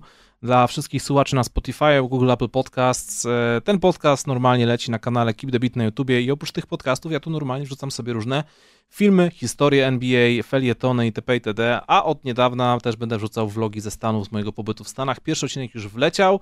Wrzucam wam link na czat. Nightbot też ten link co jakiś czas wam tutaj wrzuca ten, e, ten film. I w wielkim skrócie jest to taka trochę mini relacja z pierwszego dnia w Stanach, w Waszyngtonie oraz e, ogólnie moje emocje związane z pierwszym meczem NBA, jaki, jaki zobaczyłem na żywo. Jest tam pokazane troszkę korytarzy, troszkę ciekawostek, tam troszkę Kristaps Porzingis z bliska, Marcin Gortat itp. itd. Wydaje mi się, że ciekawy temat, bo bardziej jest to film, jest, jest to film zrobiony nie z perspektywy E, zwykłego kibica byłem w stanie pokazać wam troszkę więcej rzeczy niż gdybym tam po prostu poszedł jako, jako zwykły kibic. Więc e, jakby co to zachęcam do sprawdzenia. Przechodzimy do serii. Hit oraz Celtics. Ty, ty, ty. Musimy ogarnąć gifa z Joe Mazulą rzucającym deskę trenerską gdzieś tam w ludzi. No to co? Cóż mogę rzec? Miami Heat prowadzą w tej serii 3 do 1 i w pierwszym meczu dostaliśmy tak zwany Jimmy Butler Experience. 35 punktów, 5 zbiórek, 7 asyst i uwaga, 6 przechwytów, z czego w ostatniej kwarcie te przechwyty polegały na tym, że magicznym sposobem Jimmy Butler zawsze znajdował się na linii podania zawodników Boston Celtics, więc nie wiem na ile to był jego um, geniusz, gdzie ta piłka poleci, a na ile to była, były zła, była to zła decyzyjność Bostonu. Um, ale to, co robił Jimmy w tym meczu, to było coś fenomenalnego, a ta truja na minutę przed końcem, ta kałajowa truja. Ja zawsze jak będę patrzył na te rzuty, na które musisz poczekać dwie sekundy dłużej, żeby się upewnić, czy to wpadnie, bo wszystko zatańczy na, na obręczy, to sobie myślę, że to jest kałajowa truja. I to są emocjonujące trójki, to są emocjonujące rzuty. Bartek, wszystko git? Jest wszystko git. Mówię Natalii, że tabletki dla psa są e, dokładnie za nią, zaraz przy ciastkach. To chcecie go przykoksić? Nie, już starość się odzywa i trzeba wspierać jego tarczycę oraz sterze. Rozumiem. Liczę na to, że tabletki mu pomogą. Czy myślisz, że są jakieś, table... myślisz, że są jakieś tabletki na różnicę poziomów e, trenerów w finale, finałach konferencji? Erik Spelstra zjadł całe grę dla, dla trenerów. Paszę. niestety. Zjadł paszę trenerską. E, pozdrawiam Bartłomieja Pelca, który jest na, na czacie. Jest z nami na czacie Bartek? O, fajnie. I wraca jutro na trening, mam nadzieję, w końcu, bo nam brakuje, ostatnio brakowało jednej osoby do 10, więc... E, ja myślałem, że po pierwszej rundzie w serii z Knicks to Bartek już się tu nie pojawił u nas. Dobra, e, wracamy do trenerów. Poważne rzeczy, no. Tak. Bardzo się cieszę, że Miami Heat odnoszą takie sukcesy, Jeden z, ze, względ, ze względów, na które tak się cieszę, to jest to, że pozycja trenera nic tak nie traciło na znaczeniu w ostatnich 10-20 latach NBA jak pozycja trenera. Mhm. E, może, że obrona, ale też kwestia przepisów trenerom było u mnie i to też jakby jesteśmy częścią tego, bo, bo tak rzeczywiście było, jakby to nie było, było umnie, nie, to nie było umniejszanie, ich rola się po prostu zmniejszała. Oczywiście to było też z, pewnych kwestii systemowych w stylu, nie działa drużyna, łatwiej wymienić jednego trenera niż 10 zawodników. Najtrudniej w NBA znaleźć franchise playera, o którym wiesz, wiesz, że jest franchise playerem, a z trenerami generalnie możesz ryzykować. Wiesz, trenerzy, którzy są, wiesz, pierwszoroczni trenerzy, wiesz, wygrywają tytuły trenera roku, wygrywają ligę, wiesz, i to nie tylko, że, że, że Steve Kerr ze Stefanem Kerrym um, a Tyron Lue z LeBron Jamesem, tylko, te, tylko też inni pierwszoroczni trenerzy sobie radzili bardzo dobrze ostatnio w lidze. A, więc, więc ta pozycja trenera była trochę oberwała. Trochę też z winy trenerów, którzy się połasili y, sporo na władzę w latach 2015-17 i zaczęli, zaczęli sobie życzyć stanowiska trenera połączonego z GM-em czy tam prezydentem klubu, co się w większości przypadków nie udało, na przykład do Rivers dokładnie, co się w większości przypadków nie udało, bo to nie jest praca na jednego człowieka.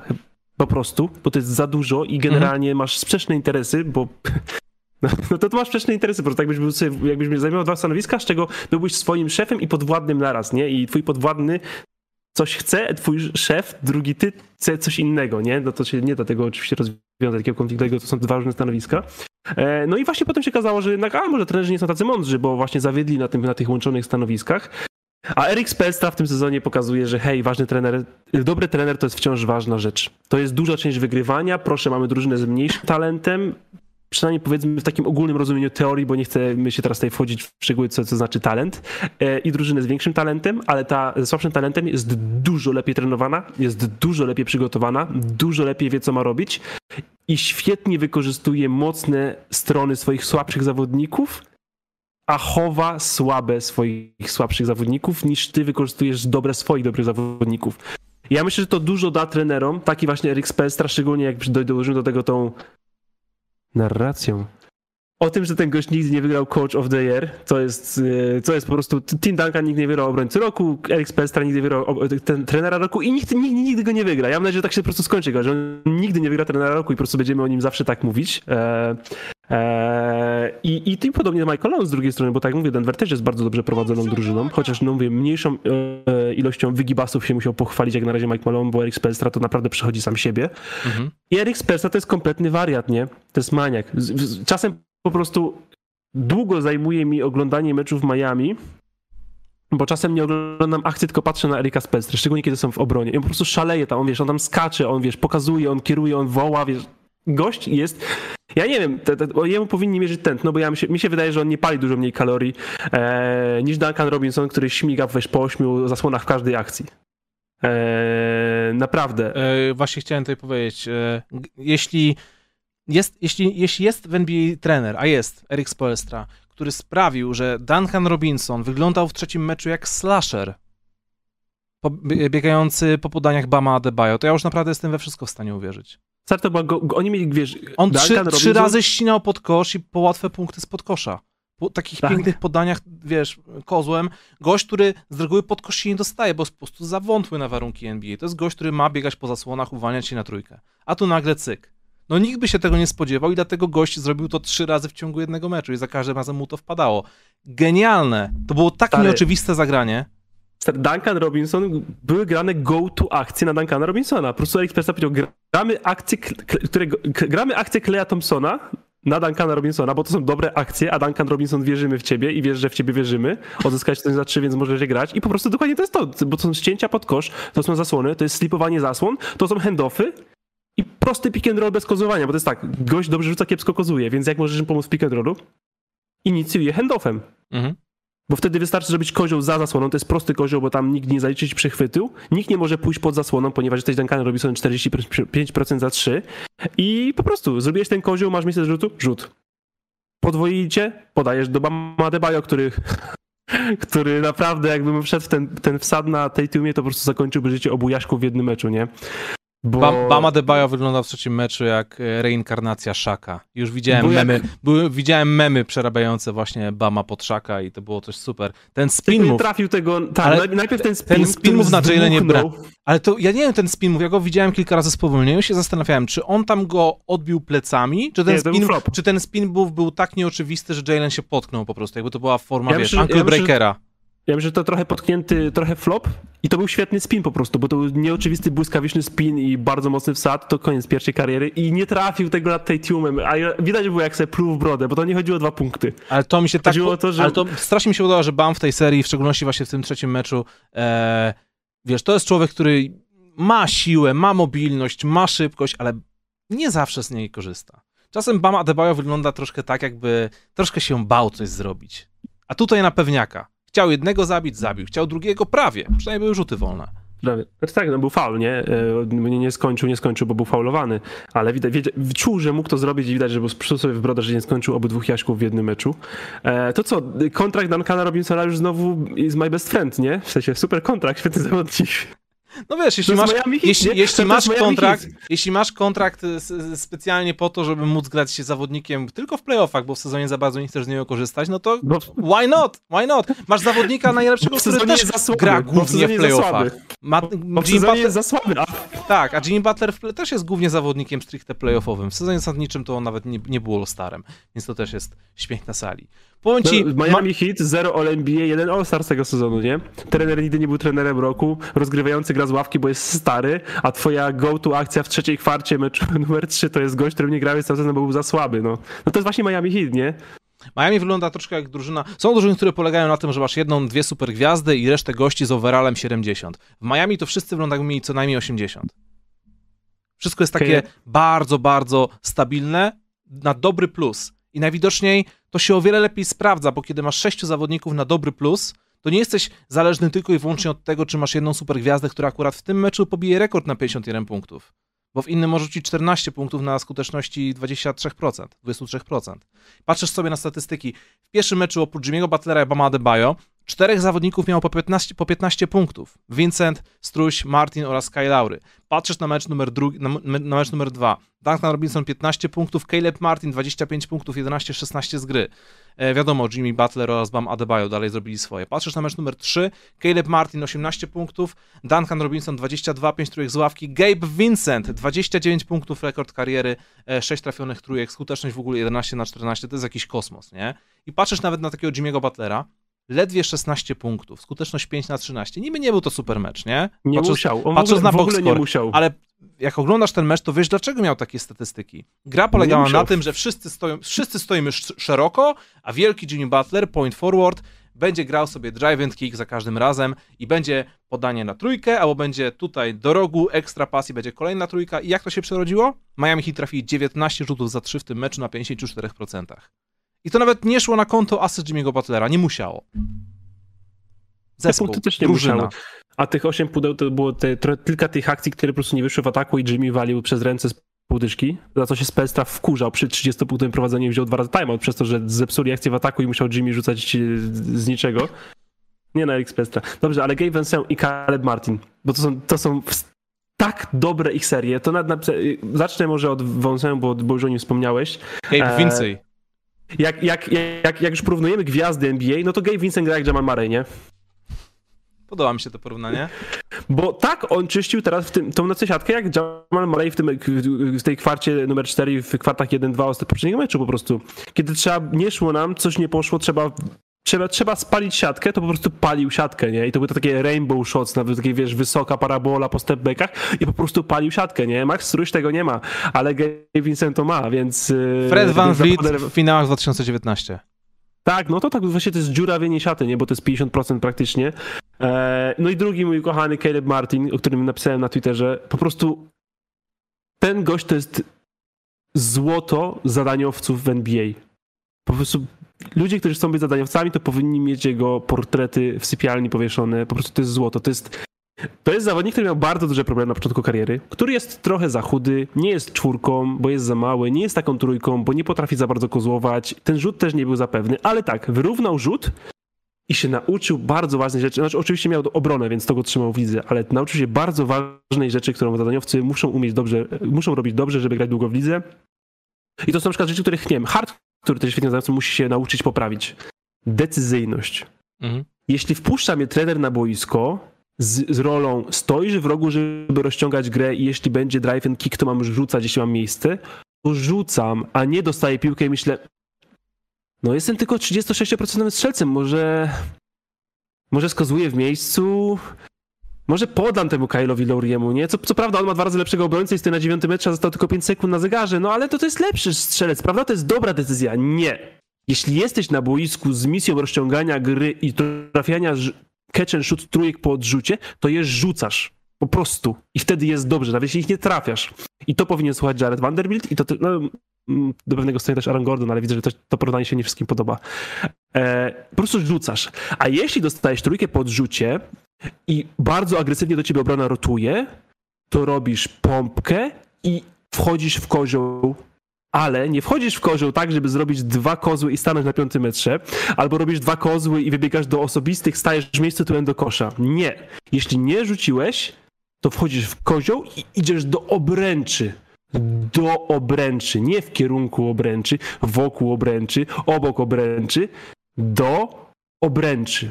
I to robi Caleb Martin. Dwie rzeczy. Albo Rozumiem. wchodzę w truje, albo rzucam. Znaczy wrzucam truje, albo wchodzę w kozioł i do obręczy. I albo kończę to lejapem, albo oddaję piłkę spod obręczy. Bo jak oddasz piłkę spod obręczy, gdzie byłeś na przykład znowu podwojony, to wtedy kolega nie wali z 8 metrów z ręką na twarzy, tylko wali z 7 metrów bez żadnego obrońcy w promieniu wzroku po prostu. ABC zadaniowca w ataku to jest Caleb Martin w tej serii. Naprawdę bym go teraz chciał przytulić. Mecz numer dwa. Sytuacja Grant Williams versus Jimmy Butler. Czułko do czułka e, i, i, wielki meltdown, który wydarzył się w ciągu ostatnich 6 minut. To było poking the bear na maksa. E, powiem ci, że patrzę, patrzę nie tylko na grę Jimmy'ego Butlera, ale też patrzę na sekcje komentarzy, które czasami potrafią e, czasami mój rak wewnątrz, ten śpiący się budzi, zastanawia się, czy, czy się nie uruchomić ponownie, jak czyta niektóre komentarze, patrząc na wszystkie wojenki Jordan, LeBron i w ogóle, w szczególności teraz, jakie daleko jest przegrywają, ale Jimmy Butler jest postacią, która wydaje mi się, że tak sprawia, że hejterzy MJ'a i hejterzy LeBrona są jak na tym memie, podają sobie sztamę. Że Jimmy Butler jest takim ich e, złotym środkiem, że fani LeBrona widzą w Jimmy, to wiesz, ten, tego point forwarda, który sprawia, że uruchamia resztę drużyny, a fani MJ'a widzą w nim ten mental bordercy. I można w nim zobaczyć właśnie porównanie, tych, y, połączenie tych dwóch zawodników i to jest naprawdę, wydaje mi się, świetna sprawa, że, że dlatego Jimmy Butler ma Jimmy... bardzo, niewielu, bardzo niewielu hejterów, ma tak na dobrą sprawę. Ale to jest też toksyczność fanów LeBrona i James, i LeBrona i Michaela, bo to jest takie, wiesz, Jimmy niech sobie wygra, bo go bardzo lubimy, ale nawet jak wygra, to jego legacy nie, zas nie zaszkodzi mojemu zawodnikowi. W sensie, to wiesz, to nie jest A, tak, że Jimmy może zaszkodzić wiadomo, To jest tak, że wiesz, mam okej, okay, mam, mam luz z tym, że on wygra, bo nie zaszkodzi mojemu, mojemu, nie? Nie może już kary na przykład wygrywać dla fanów LeBrona, bo już przekroczy o jeden, a już niedobrze, niedobrze, już nie fajnie, nie? Nie może KD wygrywać, bo a może jednak nie jest drugi i tak dalej. Eee, Więc, więc to jest taki bezpieczny. A Jimmy Butler to jest po prostu dziecko Michaela Jordana i Rosamaka Tundrowego, nie? tak jest. Powiedz mi, sytuacja, jeśli chodzi o Boston Celtics e, w meczu numer 3. Bo w pierwszych dwóch meczach no było tak bliskawo. W drugim meczu po prostu Jimmy Butler został uruchomiony, ta czwarta kwarta się wydarzyła, wiesz, ale w pierwszym meczu Tatum Brown dowieźli, reszta już troszkę gorzej, Malcolm Brogdon 19 punktów z ławki, w drugim meczu e, no Jason Tatum spoko, reszta trochę mniej spoko, ale mecz numer 3 to była, um, no nie wiem, no to była, to była deklasacja, tak jak, tak jak w tytule o ile patrzymy na Lakersów w serii z Nuggets i widać, że tam jest jakaś walka, to mecz numer 3 to było się po prostu położenie.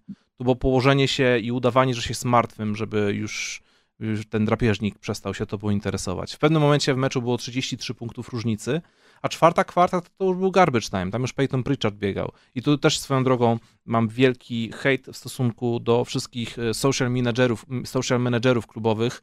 E, kiedy przegrywacie mecze w żałosny sposób, to nie wrzucajcie Bogu ducha winnego roleplayera, który w końcu dostał minuty, tylko wrzućcie, nie wiem, Tatuma bądź Browna, bo trafili łącznie 12 rzutów na 35, a nie jakiegoś biednego Peytona Pritcharda informując, że przegraliście mecz, bo wydaje mi się, że to jest troszkę takie szukanie mm, nie wiem, nie, nie, spodobało mi się to po prostu, że, że wiesz, Peyton, Pri Peyton Pritchard jest na głównej grafice, że przegraliśmy mecz. No Bogu ducha Obejrze... winny Peyton Pritchard. Obejrzałem cały ten crunch, crunch time. Peyton Pritchard był najlepszym zawodnikiem Bostonu w, w tym, w tym garbage time. Obejrzałem całą tą czwartą kwartę, bo mówię, kiedy znowu będę mógł zobaczyć Nikolajowicza w finale konferencji. Mhm. E, I Peyton Pritchard grał naprawdę dobry, dobrą czwartą kwartę. Dużo lepszą niż Cornet, Muscala. E, Grant Williams z nim jeszcze chyba grał i, i Sam Hauser.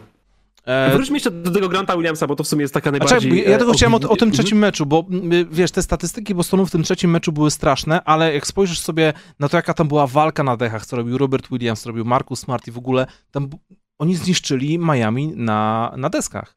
Celtics mieli 57 zbiórek, w tym 21 w ataku. Heat mieli tylko jedną zbiórkę w ataku, łącznie mieli 35 zbiórek, więc troszkę to wyglądało tak, jakby Robert Williams wywalczał kolejne okazje do rzucania cegieł jerboli dla Bostonu. I to jest naprawdę straszne, bo widzisz, to jest tak, że e, widzisz, to te playoffy udowadniają.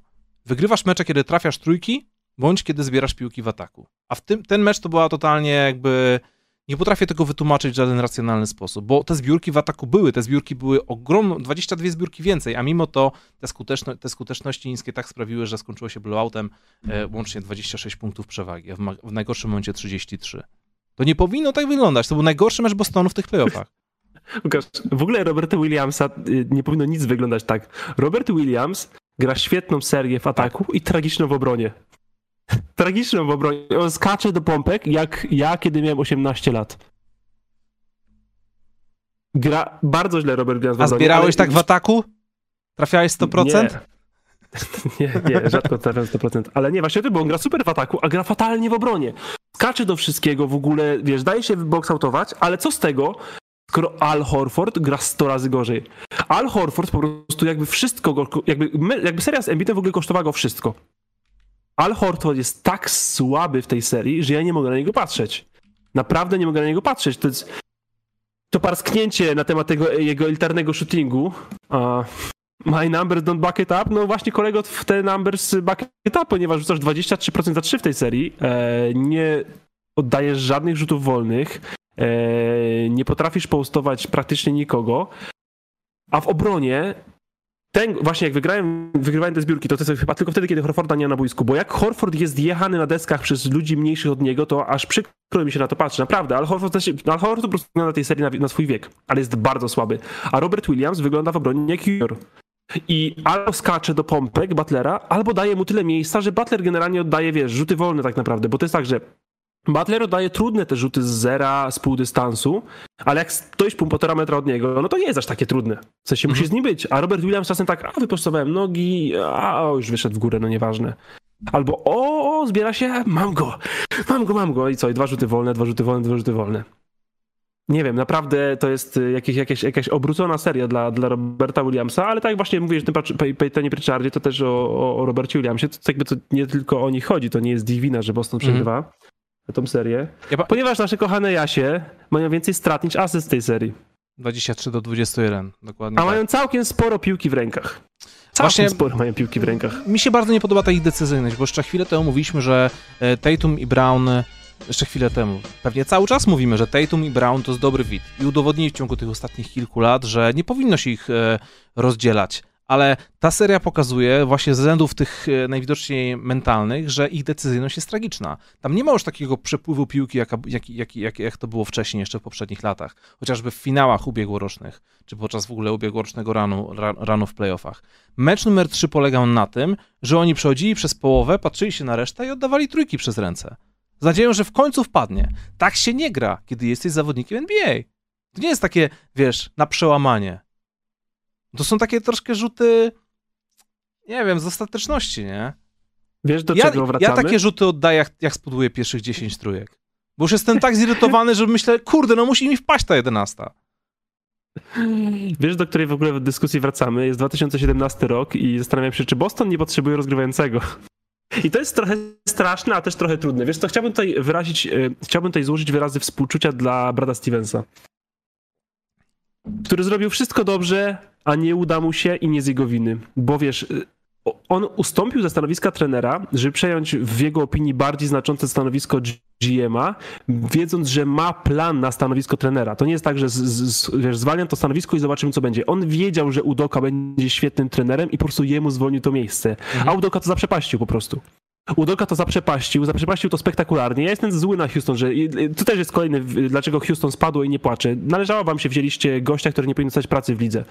Eee, Udokę, właśnie o nim, o nim mówię. I brat Stevens dał tą robotę Udoce, zaliczył świetny pierwszy sezon, wylądowali w finale, mieli się poprawić i tak naprawdę być głównym faworytem do tytułu, ale Udoka to zaprzepaścił, ale zaprzepaścił to jeszcze w takim timingu, że druga osoba, która miała być kandydatem trenera, Phil Hardy, zdążył pójść do Utah. I, odpa- I wiesz, jesteś Bradem Stevensem, zrobiłeś wszystko dobrze. Miałeś plan A i plan B. I akurat ci się tak złożyło, że plan B poszedł, bo myślałeś, że masz A, a miesiąc później się okazało, że jednak ma inne rzeczy niż koszykówka w głowie. No i zostałeś 34-letnim gościem, nie? Gościem, który jest 4 lata młodszy od LeBrona Jamesa. O którym LeBron Jamesie mówimy, że wiesz, rozkminianie Golden State Warriors zajęło mu parę ładnych lat. Rozkminianie, mm -hmm. wiesz, playoffów, wiesz, tych e, Game of Zones, e, Games of, Switches, a to jest 34-latek bez dużego doświadczenia trenerskiego i to po prostu wychodzi w tej serii. I szkoda mi Brada Stevensa, y, troszkę mi nawet szkoda Joe Mazuli, bo to nie do końca jest jego wina, po prostu rzucony został na głęboko, zbyt głęboką wodę, ale sam się na to zgodził, więc jakby też nie do końca. E, no i wracam do tej dyskusji e, o dyskus rozgrywających, bo to jest bardzo okrężny sposób, do chcesz do niego dojść. Bo to jest tak, masz Jaśków, którzy nie rozgrywają i potrzebują rozgrywającego koło siebie. Na pozycji rozgrywającego masz Markusa Smarta, który jest sercem, duszą obrony tej drużyny. To jest gość, którego nie chcesz się pozbyć. Więc już masz trzy miejsca na wodzie zablokowane i wciąż nie masz rozgrywającego. Rozgrywający na pozycji centra są ciężcy do zdobycia. Bo jest mm -hmm. dwóch, Nikola jakiś Bama Debajo, chociaż Bama Debajo też nawet nie do tego stopnia. Jest raczej ciężko go zdobyć, więc co jeszcze, gdzie jeszcze mógłbyś pomóc decyzyjności drużynie? drużyny? Wymianka za Shinguna. Trener. I to też nie działa w tej serii. I, i, i widzisz, i ten trener ci się nie udał, bo jakby tam był trener... Bo jest za młody, dobry... bo jest za tak, młody i potrzebuje jeszcze doświadczenia. I też nie uważam, że powinno to, że... się na nim wieszać psy, dlatego że nie dowiózł w swoim pierwszym roku. Ja się Mimo zgadzam, wszystko. ale chodzi o to, że wiesz, że masz problem z tym, że potrzebujesz lepszej organizacji gry i nie możesz tego zrobić z pozycji yy, rozgrywającego, z pozycji skrzydłowego, z pozycji centra i masz niedoświadczonego trenera. I ta niedecyzyjność lub zła decyzyjność, wiesz, ona się potraja właściwie, wygląda jeszcze gorzej niż powinna, bo gdzieś powinna być pomoc, a nie masz rozgrywającego centra, nie masz rozgrywającego rozgrywającego i masz niedoświadczonego trenera. No i Jaśki walą przez ręce, nie? No tak. I wygląda to fatalnie, bo właśnie o to chodzi, wygląda to fatalnie w tej decyzyjności. I to jest też coś, e, co ja powiedziałem, wydaje mi się, albo pod koniec pierwszej, albo pod koniec drugiej rundy. Boston Celtics zostało, zostali drużyną, którą mają najwięcej talentu, ale która najgorzej spełnia swoje możliwości do tej pory. W sensie Lakers grają ponad stan. Myślę, że Denver grają akurat tak dobrze, jak są.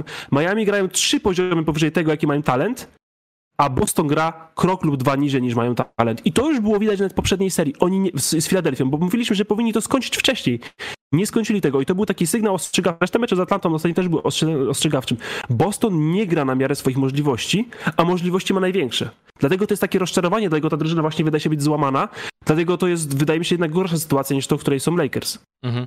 E, chciałeś wrócić do sytuacji e, z Grantem Williamsem. Tak, bo y, ciężko ją w ogóle ocenić i ja chciałbym tutaj troszkę dać sprawiedliwości Grantowi Williamsowi, bo Grant Williams oczywiście rozdrażnił Niedźwiedzia, nie wyszło to jego drużynie na dobre, ale on trafił potem trzy rzuty z gry jeszcze potem. Grant Williams nie, nie on jako, jako, jeden, jako jeden z niewielu jeszcze dalej był w meczu, dalej walczył. To raczej reszta Dokładnie. się złożyła do skorupy.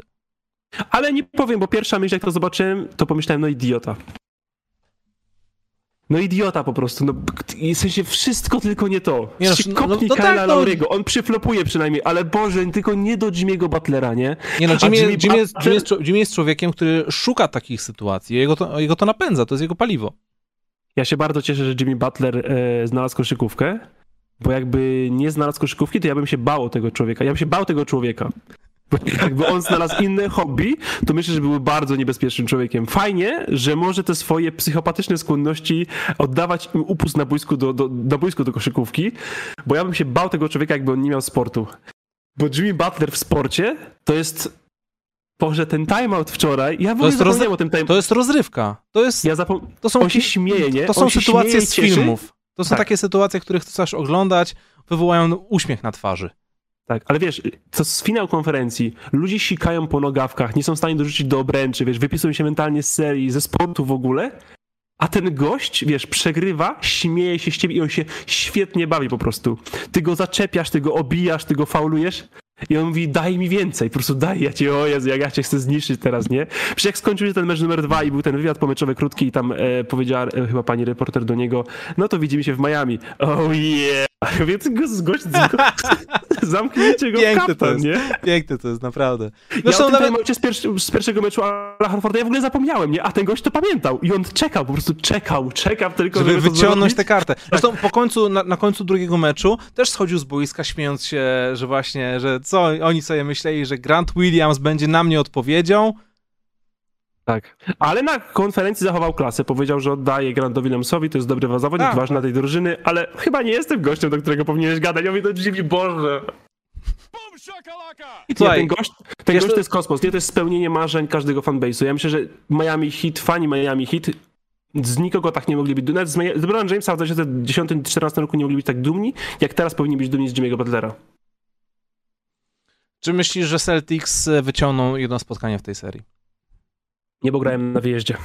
I ktoś to napisał dzisiaj na czacie. Miami hit każdy mecz gra jakby przegrywali 0-2 albo 0-3. I Gabe Vonson, jak został w garbage time wczoraj, czy Kyle Lowry 37-letni, to jechali tych rezerwowych Celtics. To nie było takie, Jezu, musiałem zostać na tym boisku, bo nie mamy rezerwowych, nie chce mi się już. Nie, nie, nie. Grali na maksa do końca i po prostu ta drużyna cały czas gra jak, to dokładnie tak, już nie pamiętam kto, czyj to był nick, jak, proszę się przypomnieć, jeśli, jeśli jesteś lub jeśli jesteś z nami, bo oni grają po prostu jakby przegrali 0-2. Oni chcą wyjść i zwyrwać ci serce i zmiażdżyć na twoich oczach. A na koniec zawołać timeout. Więc jeśli ktoś ma domknąć, y, to po prostu postawia na drużynę, która ma domknąć u siebie, czyli Miami Heat. Wiem, że Eryk Spolestra już nie chce słuchać e, ciągłego tego gadania tkliwego o niewydraftowanych zawodnikach Miami, ale Crazy Stats wyciągnął, wyciągnął dzisiaj bardzo ciekawą statystykę, która hmm. mówi, że E, zawodnicy niewydraftowani ze składu Miami Heat zdobyli dzisiaj 81 punktów i to jest w ogóle rekord wszechczasów, jeśli chodzi o jeden mecz zawodników niewydraftowanych. Ale wiesz, co jest jeszcze bardziej fascynujące w tej statystyce? Że w pierwszej dziesiątce 9 miejsc znajduje się właśnie Miami Heat z tego bądź ubiegłego roku. Tak. To jest szaleństwo. To, to, jest, to jest, walka o imię. Tak jak mówisz, w każdym meczu jakby wychodzili z, z przegrywu 0-2. Każdy mecz to jest walka o imię, walka o honor, walka o wszystko. Jacek Dębski to napisał, jak, jak więc oddaję mu... Jacek Dębski oddaje ci honor, ty to napisałeś. Ty to napisałeś, ja tylko to powtórzyłem, ale dziękuję za przypomnienie, Łukasz. To pozdrawiamy. E, to co? E, czy chcesz powiedzieć jakieś dwa słowa pozytywne o Bostonie, o ile, o ile coś znajdziesz?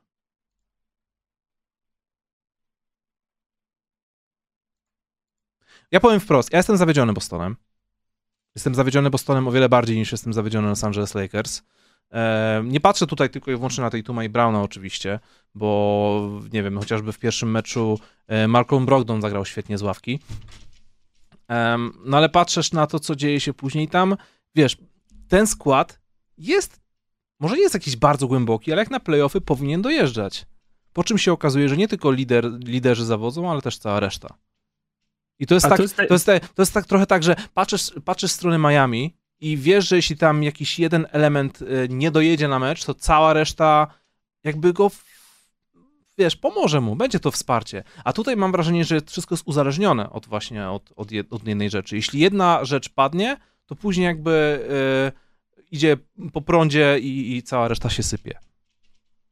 Y, z tych, które pozostały, to ja myślę, że Boston Celtics ma najgłębszy skład i tak, więc może to nie jest najgłębsza drużyna, ale z tych, co mamy, to wiem, że to jest bardzo głęboka drużyna, bo to jest no 9 Oni są zdrowi, nie mają żadnych kontuzji. Dokładnie. Y, I wiesz to, to co powiedziałeś, kogoś, czy chciałbym kogoś, e, czy chciałbym kogoś pochwalić z Bostonu i sobie i zastanowiłem się, to nie było teatralne, po prostu chciałem się zastanowić nad tym, bo nie mam pierwszej myśli nikogo i przyszedłem przez każde nazwisko i pomyślałem tylko o Brogdonie, tak ty właśnie. Może Brogdona bym pochwalił, ale nie chcę pochwalić Brogdona, bo to nie jest dobra seria, bardzo dobra z jego strony. To nie jest zła seria z jego strony, bo cały Boston po prostu gra poniżej, poniżej tego, co powinni. I to jest, i to jest smutne, nie? Bo jesteśmy w takim miejscu, na, na, takim już poziomie. Drużyna, która ma doświadczenie z finałów z tamtego roku. Zmienił się w niej tylko trener. I tak naprawdę poza zmianą trenera tu zawodnicy zostali dodani, bo został dodany Brogdon, którego nie było rok temu. E, reszta jest zdrowa i, i wygląda jakby zrobili krok do tyłu, nie? W sensie ta drużyna po prostu jest słabsza niż rok temu. Ja myślę, że Boston, ten Boston przegrałby z Bostonem z tamtego roku serię i też myślę, że całkiem wyraźnie. A, A miało być na odwrót właśnie z Brogdonem. A miało być, miało być na odwrót właśnie. No i tak, i mówiliśmy, wiesz co, no, no już, już chyba nie ma co się rozwodzić nad, nad, nad meczami, więc zadam ci inne pytanie, bo powiedzieliśmy już sporo o trenerach w tej serii eee, i co Joe Mazula robi źle, bo robi źle, ale też co go trochę tłumaczy, że ma 34 lata i brak doświadczenia był opcją właściwie C, ale taką, której raczej nie chcieliśmy spełnić. Czy zwalniasz Joe Mazulę po tym sezonie, czy nie?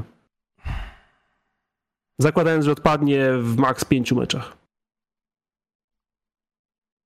To jest trudne pytanie. Nie bardzo trudne, bo to jest, to jest Bar bardzo trudne pytanie. Bardzo trudne. Wydaje mi się, że, yy, że najgorszym scenariuszem byłoby zdegradowanie go do roli asystenta trenera. Myślę, że by się na to nie zgodził, ale, ale, ale tak, no bo, bo, bo wiesz, Chciałbym powiedzieć, żebym go nie zwalniał, bo zawsze mówimy, że zwalniam trenerów za szybko, mhm. ale ty nie rozumiem jego komentarzy z, po tej ostatniej po ostatnim meczu z tej, z tej konferencji prasowej. On, musi, on wiesz, to, jeszcze, to, to, jeszcze wydaje mi się, że młodość jest po prostu. Musi go pracować nad takim PR-owym gadaniem. Straciłem szatnię, nie ustawiłem ich w pozycji do wygrywania. Co to właściwie robisz od dwóch tygodni? W sensie, wiesz, właściwie całe, całe, całe 8 miesięcy. Wiedzieliśmy, ta, ale teraz wraca do wspaniałego typu, który mieliśmy przed sezonem, że Boston będzie gorszy niż rok temu. Tak, tak powiedzieliśmy. Mhm. I to się w sezonie regularnie nie, spełniło, ale spełniło się teraz. I, I właśnie jako dużą część tego wskazywaliśmy trenera, nie? Dostałeś sportowego samograja, to znaczy bardzo utalentowaną drużynę, która umie grać, bo już gra ze sobą dłuższą chwilę, wiesz, Core Smart, Tatum Brown to gra właściwie 4-5 lat już razem, zresztą też się dobrze znają z, z Williamsem, z jednym, z drugim, z Horfordem, Brogdon był tylko nowy, White już drugi sezon. Możesz sobie poświęcić trochę czasu na początku, nawet nie na takim trenowaniu, trenowaniu, bo nie trzeba im wołać zagrywek, tylko właśnie, żeby chyba do nich dotrzeć do nich, żeby sobie ich zjednać, żeby coś spróbować nowego. Mhm. A on tego, z tego co powiedział mi po tej konferencji, wygląda, że tego nie zrobił po prostu, bo ani nie woła zagrywek, bo dowalamy się do ich decyzyjności i słusznie, bo decyzje podejmują bardzo złe na boisku, ani nie widać, żeby ta drużyna, wiesz, szła jakoś za nim w ogień, nie poprawił obrony, to no, ja wiem, że to było trudne, bo poznawałeś drużynę właściwie, ale miałeś na to cały sezon. Co, co, nad czym pracowałeś, co teraz masz z tego wszystkiego? Bo właśnie to jest to, jakby Boston grał po prostu, jak mówię, Lakers grają swoje i są po prostu słabsi od Denver, ale Boston nie gra swojego. Bo jakby oni po prostu przegrali z lepszą drużyną, a ty grasz i po prostu przeciwnik jest lepszy, to jest okej, okay, ale ty nie grasz, Boston nie gra, Boston jest wypisany z, z tej serii. To wymaga co najmniej bardzo szczerej rozmowy między Bradem Stevensem i Joe Mazurą, myślę, ale ale to, to zwolnienie no, trzeba będzie, je, trzeba będzie je rozważyć, bo, no bo to jest bardzo poważne no, no niedojechanie, jakby wiesz, właśnie to, że ten underperforming to jest, to jest, to jest oczywisty sposób, po prostu widać na pierwszy rzut oka, jak oglądasz te mecze, no szczególnie ten mecz numer 3. Mhm. Bartek, tak. kończmy, bo mamy jeszcze dużo pytań z donatów i z kubełków, więc lecimy po kolei z pytaniami. E, pierwszy jest od Olej, 9, Olej 9. Pozdrawiamy i to był donate jeszcze z, z wtorku albo środy w zeszłym tygodniu. E, jestem wielkim fanem Lakers i Golden State. Świetnie się kurna bawiłem podczas półfinałów konferencji. Nie polecam. Fajne połączenie. E, I co? Jak, jak się było fanem Lakersów i Golden State, no to w sumie przegrać się nie da, nie? No to zawsze jakiś pozytyw. Tak naprawdę zależy, jakim człowiekiem jesteś, bo jeśli jesteś pesymistą, to przegrałeś e, 6, 6 meczów, jeśli jesteś optymistą, wygrałeś wszystkie mecze. W oleju są e, dwa wilki. Drugi donate, MJ23. Hej, ponawiam swoje pytanie sprzed tygodnia. Czy Los Angeles wygra przynajmniej jeden mecz w serii z Denver? Pozdro swojskie chłopaki. To takie też pytanie dzisiaj dostałem od ciebie. E, wydaje mi się, że mogliby, ale z drugiej strony nie wiem, czy powinna tam być e, w sensie... Kurczę, no dałem mecze tej serii się zastanawiałem, czy LeBron nagle nie zrobi jakiegoś drama wyjścia i powie, że zakończy, zakończy karierę. Miałem, Nie, miałem, mimo- Przez chwilę mi to przeleciało przez głowę. Wiesz co, gdyby nie jego syn, to chcie, wszedłbym do tej rzeki z tobą, wszedłbym do, do tej teorii spiskowej z tobą, ale wiemy, że jego cel numer jeden teraz w lidze to jest zagrać z synem, więc nie może tego zrobić. Wygra? Raz?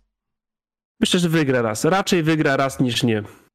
Myślę, że mógłby, ale nie powinien chyba cisnąć jeszcze z tą nogą. Maciek z Wiesz Huty. co, wydaje mi się, że i tak czeka operacja po tym sezonie, więc równie dobrze może wygrać ten mecz i po prostu mieć operację dwa dni później. Maciek z Huty, pozdrawiamy Hutę i pozdrawiam Maćka. Pierwsze, Bartek, jaki poziom umiejętności trzeba mieć, żeby przyjść na selekcję do Cave, Bo- Ca- Cave Boys? Gdzie trenujecie? Eee, po prostu poziom amatorski, powyżej przeciętny co najmniej. Poziom przyjaźni? Poziom przyjaźni Jest najwyższy. ważniejszy niż poziom koszykarski tam chyba, nie? Spora tolerancja na żarty z siebie. E, drugie pytanie, czy szkoliliście wasze pieski? To jest bardzo ciekawe pytanie, biorąc pod uwagę, co nasze, co nasze kobiety robią ze swoimi życiami. Tak, na, nasz, nasze kobiety y, mają pieskowe kursy behawiorystyczne. Więc szkolenia piesków będzie całkiem sporo, ale Tak. niekoniecznie naszymi rękami. Tak, dokładnie. Trzecie pytanie, gdybyście mieli walczyć w MMA, do jakiej piosenki chcielibyście wychodzić? Jesteście git. Bartek, do jakiej piosenki byś do MMA? Technotrawka? Eee, no, technotrawka albo szklanki. Bejba. Powoli się już przekonuję, już, już, już, Tak? już przez, przestaje, przestaje mi skręcać. Ja bym poszedł na koncert, szczerze mówiąc. Musimy się wybrać razem. Jak można zrobić koncert z jednej piosenki? Można. Tylko pewnie w jakiejś takiej mniejszej miejscowości, nie wiem, do Skawiny, do Wieliczki W Przepicach. na przykład. Wonder Schwonder. Przepicy czekają na duży, duży, duży koncert od y, występu Krzysztofa Krawczyka w 2007 roku chyba? Wierzę, że się doczekacie. Jak finały dla Denver. E, Dwa pytania od Wonder Schwonder, czyli chyba ja, nie wiem. Czy Lakers zamierzają wypuścić balony i konfetti zawieszone w hali krypto po zwycięstwie w czwartym meczu serii z Denver? Myślę, że nie. Czy jeśli Davis połamie się w czwartym meczu, to Lakers również dostaną zaszczytne miano papierowej drużyny? Myślę, że nie. Myślę, że papierowych druży- papierowe drużyny nie dostają się do finałów konferencji. Myślę, że papierowe drużyny to są takie, które nigdy tam właśnie nie dochodzą dokładnie. Macias, I mamy t- takie dwa przykłady. Y, Macias GBK, pozdrawiamy. W sezonie regularnym przestałem kibicować hit, teraz jako wierny kibic od lat dzielnie wspieram. Piękna historia. A tak na marginesie, oglądanie NBA na żywo to jest masakra, 48 minut, mecz trwa 3 godziny. Długo was słucham, pora wesprzeć, pozdro i dzięki. Dziękujemy bardzo, pozdrawiam serdecznie i jakby co, zachęcamy do stylu życia, polegające na tym, że na przykład masz budzik na 6, 6.30 i odpalasz na League Passie wersję All Possessions. Albo budzisz się właśnie o 6, nie włączasz spoilerów i przewijasz przerwy i zajmuje cię to godzinę 10. Śmieszne jest to, Chociaż- że na stronie NBA, jak masz włączone, jak masz wyłączone spoilery wyników meczu, to na górze nie masz wyników, ale na dole masz wielki nagłówek w stylu hit wygrywa 3 do 0 w serii z Lakers. Gabe Vincent, rekord punktowy. Także NBA, Z- z- dzięki, jesteście super genialni. Zaklejasz, wiesz, taśmą po prostu, wiesz, ustawiasz sobie off spoilery i dasz taką taśmę naklejoną na ekran, żeby nie Dokładnie. widzieć. Laser Westbrook, pozdrowienia. Bron, AD, co jest do cholery jasnej, co wy robicie? Ja chcę swój pierścień. Obudźcie się. Ja widziałem oczywiście jakiś taki wpis jakiegoś, e, jakiegoś fana Lakers. Przynajmniej Beverly i Westbrook nie dostaną pierścienia. Tak jest, dobrze. Jedziemy. Pozdro dla Eryka, e, autora kolejnego donate'u. Czołem, z racji zakończenia kariery przez Melo, kilka słów podsumowania, czy mógł, powinien osiągnąć więcej. E, mógł. Ale nie powinien, bo na to nie zapracował. Dobra. Drugie pytanie. W perspektywie finału Miami-Denver, gdyby dokonać jednej wymiany między tymi drużynami, to jaki transfer byłby z korzyścią dla obu stron? Pozdro. Bryant za Hachimura, ja wam mówię, ta drużyna byłaby niepokonana. Brian by dostał może jakieś minuty w końcu w serii. Jamorant o, OG... Chickeno ci mówi, mrużysz oczy i udajesz, że nie widzisz. No, są, są tylko rozwiązania i albo chcesz je widzieć, albo nie chcesz. Tak. Jamorant OG PDW. Pozdrowienia. Hej, prośba do osób wysyłających donaty. Forma grzecznościowa witam. Zarezerwowana jest dla gospodarzy witających gości w progach swojego domu. Możecie używać form hej, cześć, dzień dobry, a nawet Eldo Presidento. Thank you from the Polish Mountain. Mój pierwszy wykład na studiach w półtorej godziny składał się z tego, jak pisać maile i jak bardzo nie wolno używać witam. Miałeś profesora, który miał manię um, takiego, wiesz, szacunku do swojej własnej osoby? Jeśli nie, odpisa- nie napisałeś maila w sposób, który on opisał na pierwszym wykładzie, to nigdy na niego ci nie odpiszę. Nie spisał, nie sformatować, używać kursywej, e, akapitów i w ogóle, po czym e, profesor odpisuje ci bez żadnego dzień dobry, nic, tylko dobrze. Okej okay. I, i, inicjały, no. Zawsze mnie to śmieszyło, że profesorowie wymagają od wszystkich wokół szacunku, ale oni za grosz tego szacunku nikomu nie okazywali. Szczególnie to kiedy są doktorami. Mnie, to jest parodia studiów wyższych. Nie róbcie tak. Szczególnie kiedy są doktorami. Bo to nie jest. Ci profesorowie. Bo, bo, to nie znaczy, że jesteście arystokracją, jesteście po prostu burakami z, z tytułami. E, Twister, kolejny donate. Pozdrawiamy. Siemanko, dobrzy ludzie. Czy zmęczeni, czy zmęczeni w tych meczach z LA Jokiciowi wystarczy sił na finały?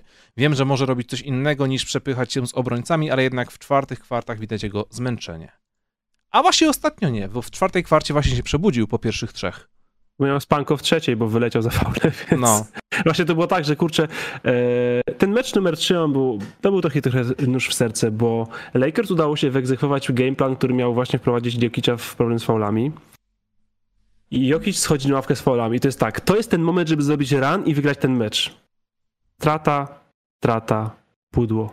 I to były takie właśnie, mówiłem, mówiłem o tym, że brakło im, że nie, nie dopisało im szczęście, bo kilka tych bo ta trzecia kwarta, kiedy Jokic szedł, wszystkie 50-50 piłki trafiło do Denver. Wszystkie trudne rzuty, które można było trafić, trafiło do Denver, nie Lakers. I jeszcze Lakers dorzucili tego głupi kilka strat i KCP przejął tą kwartę i ona wyszła właściwie na remis.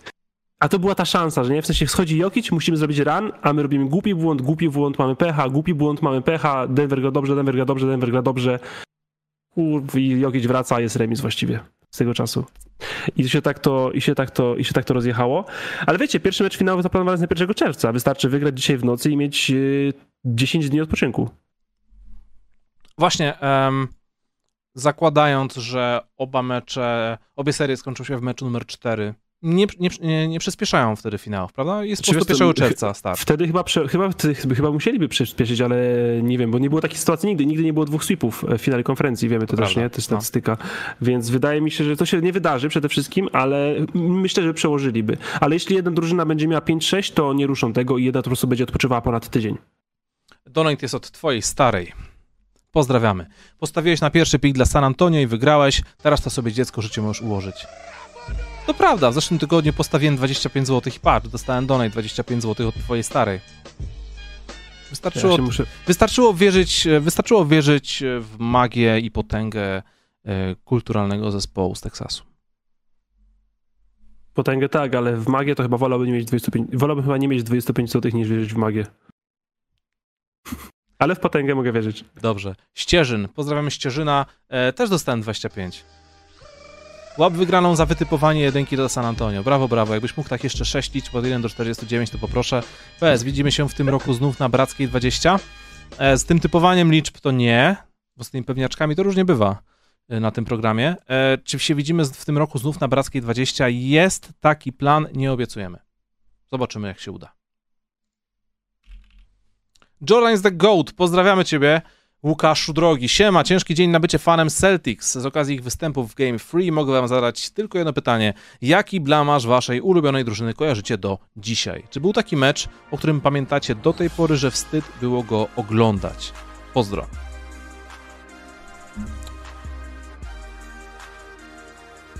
Hmm. Przyznam, że troszkę się wyłączyłem, bo przeczytałem czat. Jaki blamaż waszej ulubionej drużyny kojarzycie do dzisiaj? Ja nie kojarzę, ponieważ e, liczy się tylko to, co najlepsze. Blamasz ukochanej drużyny, który liczy się najbardziej. No kilka Lakers zaserwowali w, tej, w, ty, w tym wieku. Chyba wolałbym nie wybierać. Ja nie pamiętam, szczerze mówiąc, jako takiego blamażu. Bo to są takie mecze, których ciężko nawet je oglądać do końca. No chyba, że wstawałeś specjalnie w nocy, żeby obejrzeć mecz i nagle się okazuje, że twoja drużyna przegrywa 40, ale jeśli tak, to mi osobiście się to nie przytrafiło. Jak patrzę na blueouty, no. to w pewnym momencie już po prostu zaczynam je przewijać.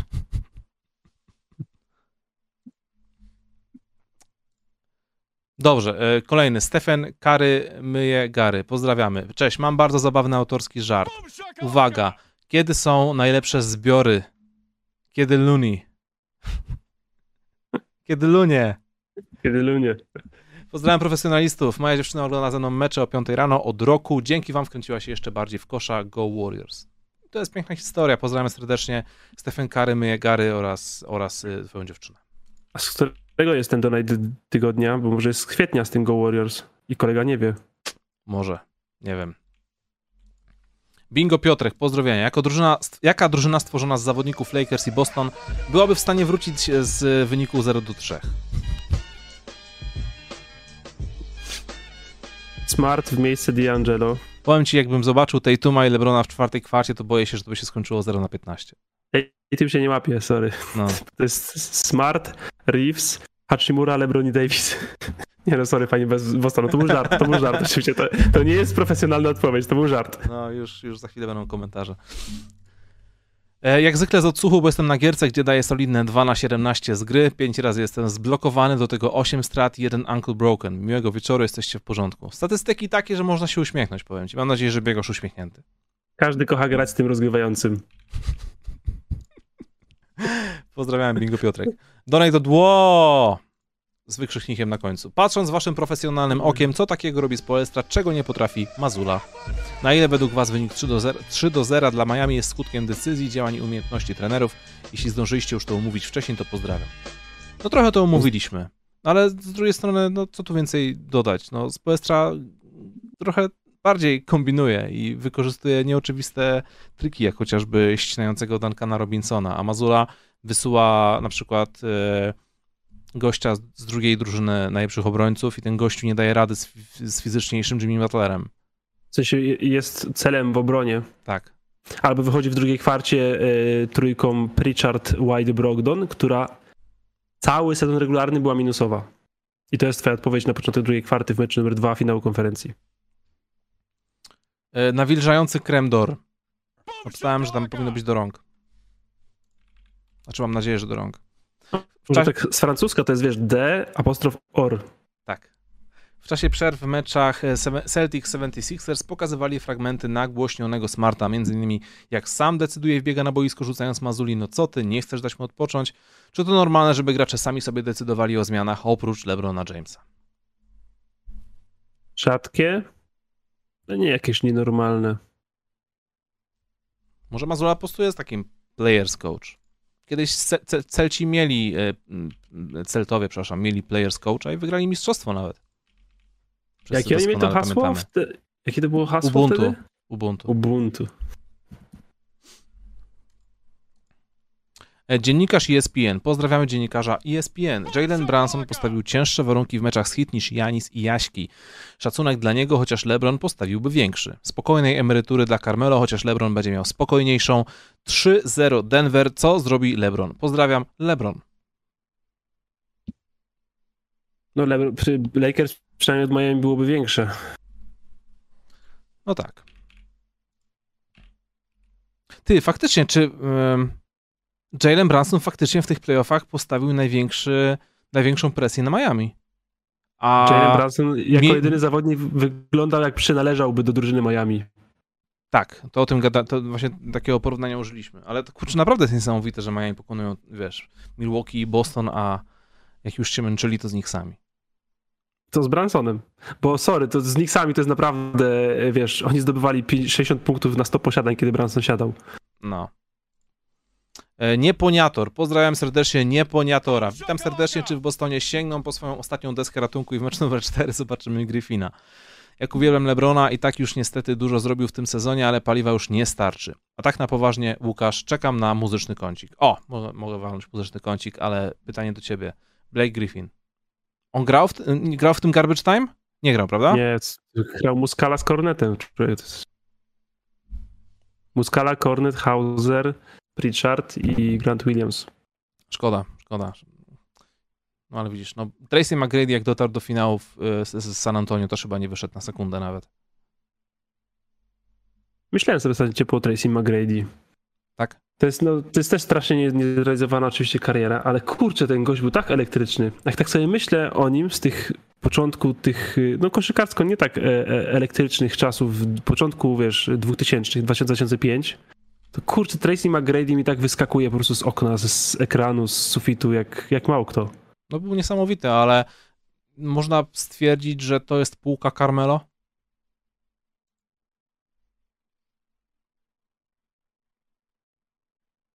Wolę najlepszego Tracy'ego McGrady'ego niż najlepszego Carmelo Antonego, ale wolę karierę Carmelo Antonego niż Tracy'ego McGrady'ego. O, właśnie, bardzo ładnie to podsumowałeś w takim razie. Kącik muzyczny. E, jeśli jeszcze nie słyszeliście nowego mixtape'u ekipy e, ratującej hip-hop, Dwa Sławy Mielski, Pers, Returnersi, na albumie pojawia się jeszcze Taco, pojawia się jeszcze O co chodzi, a nawet Młody Jedi. Kim jest Młody Jedi, pytacie? Otóż raperem.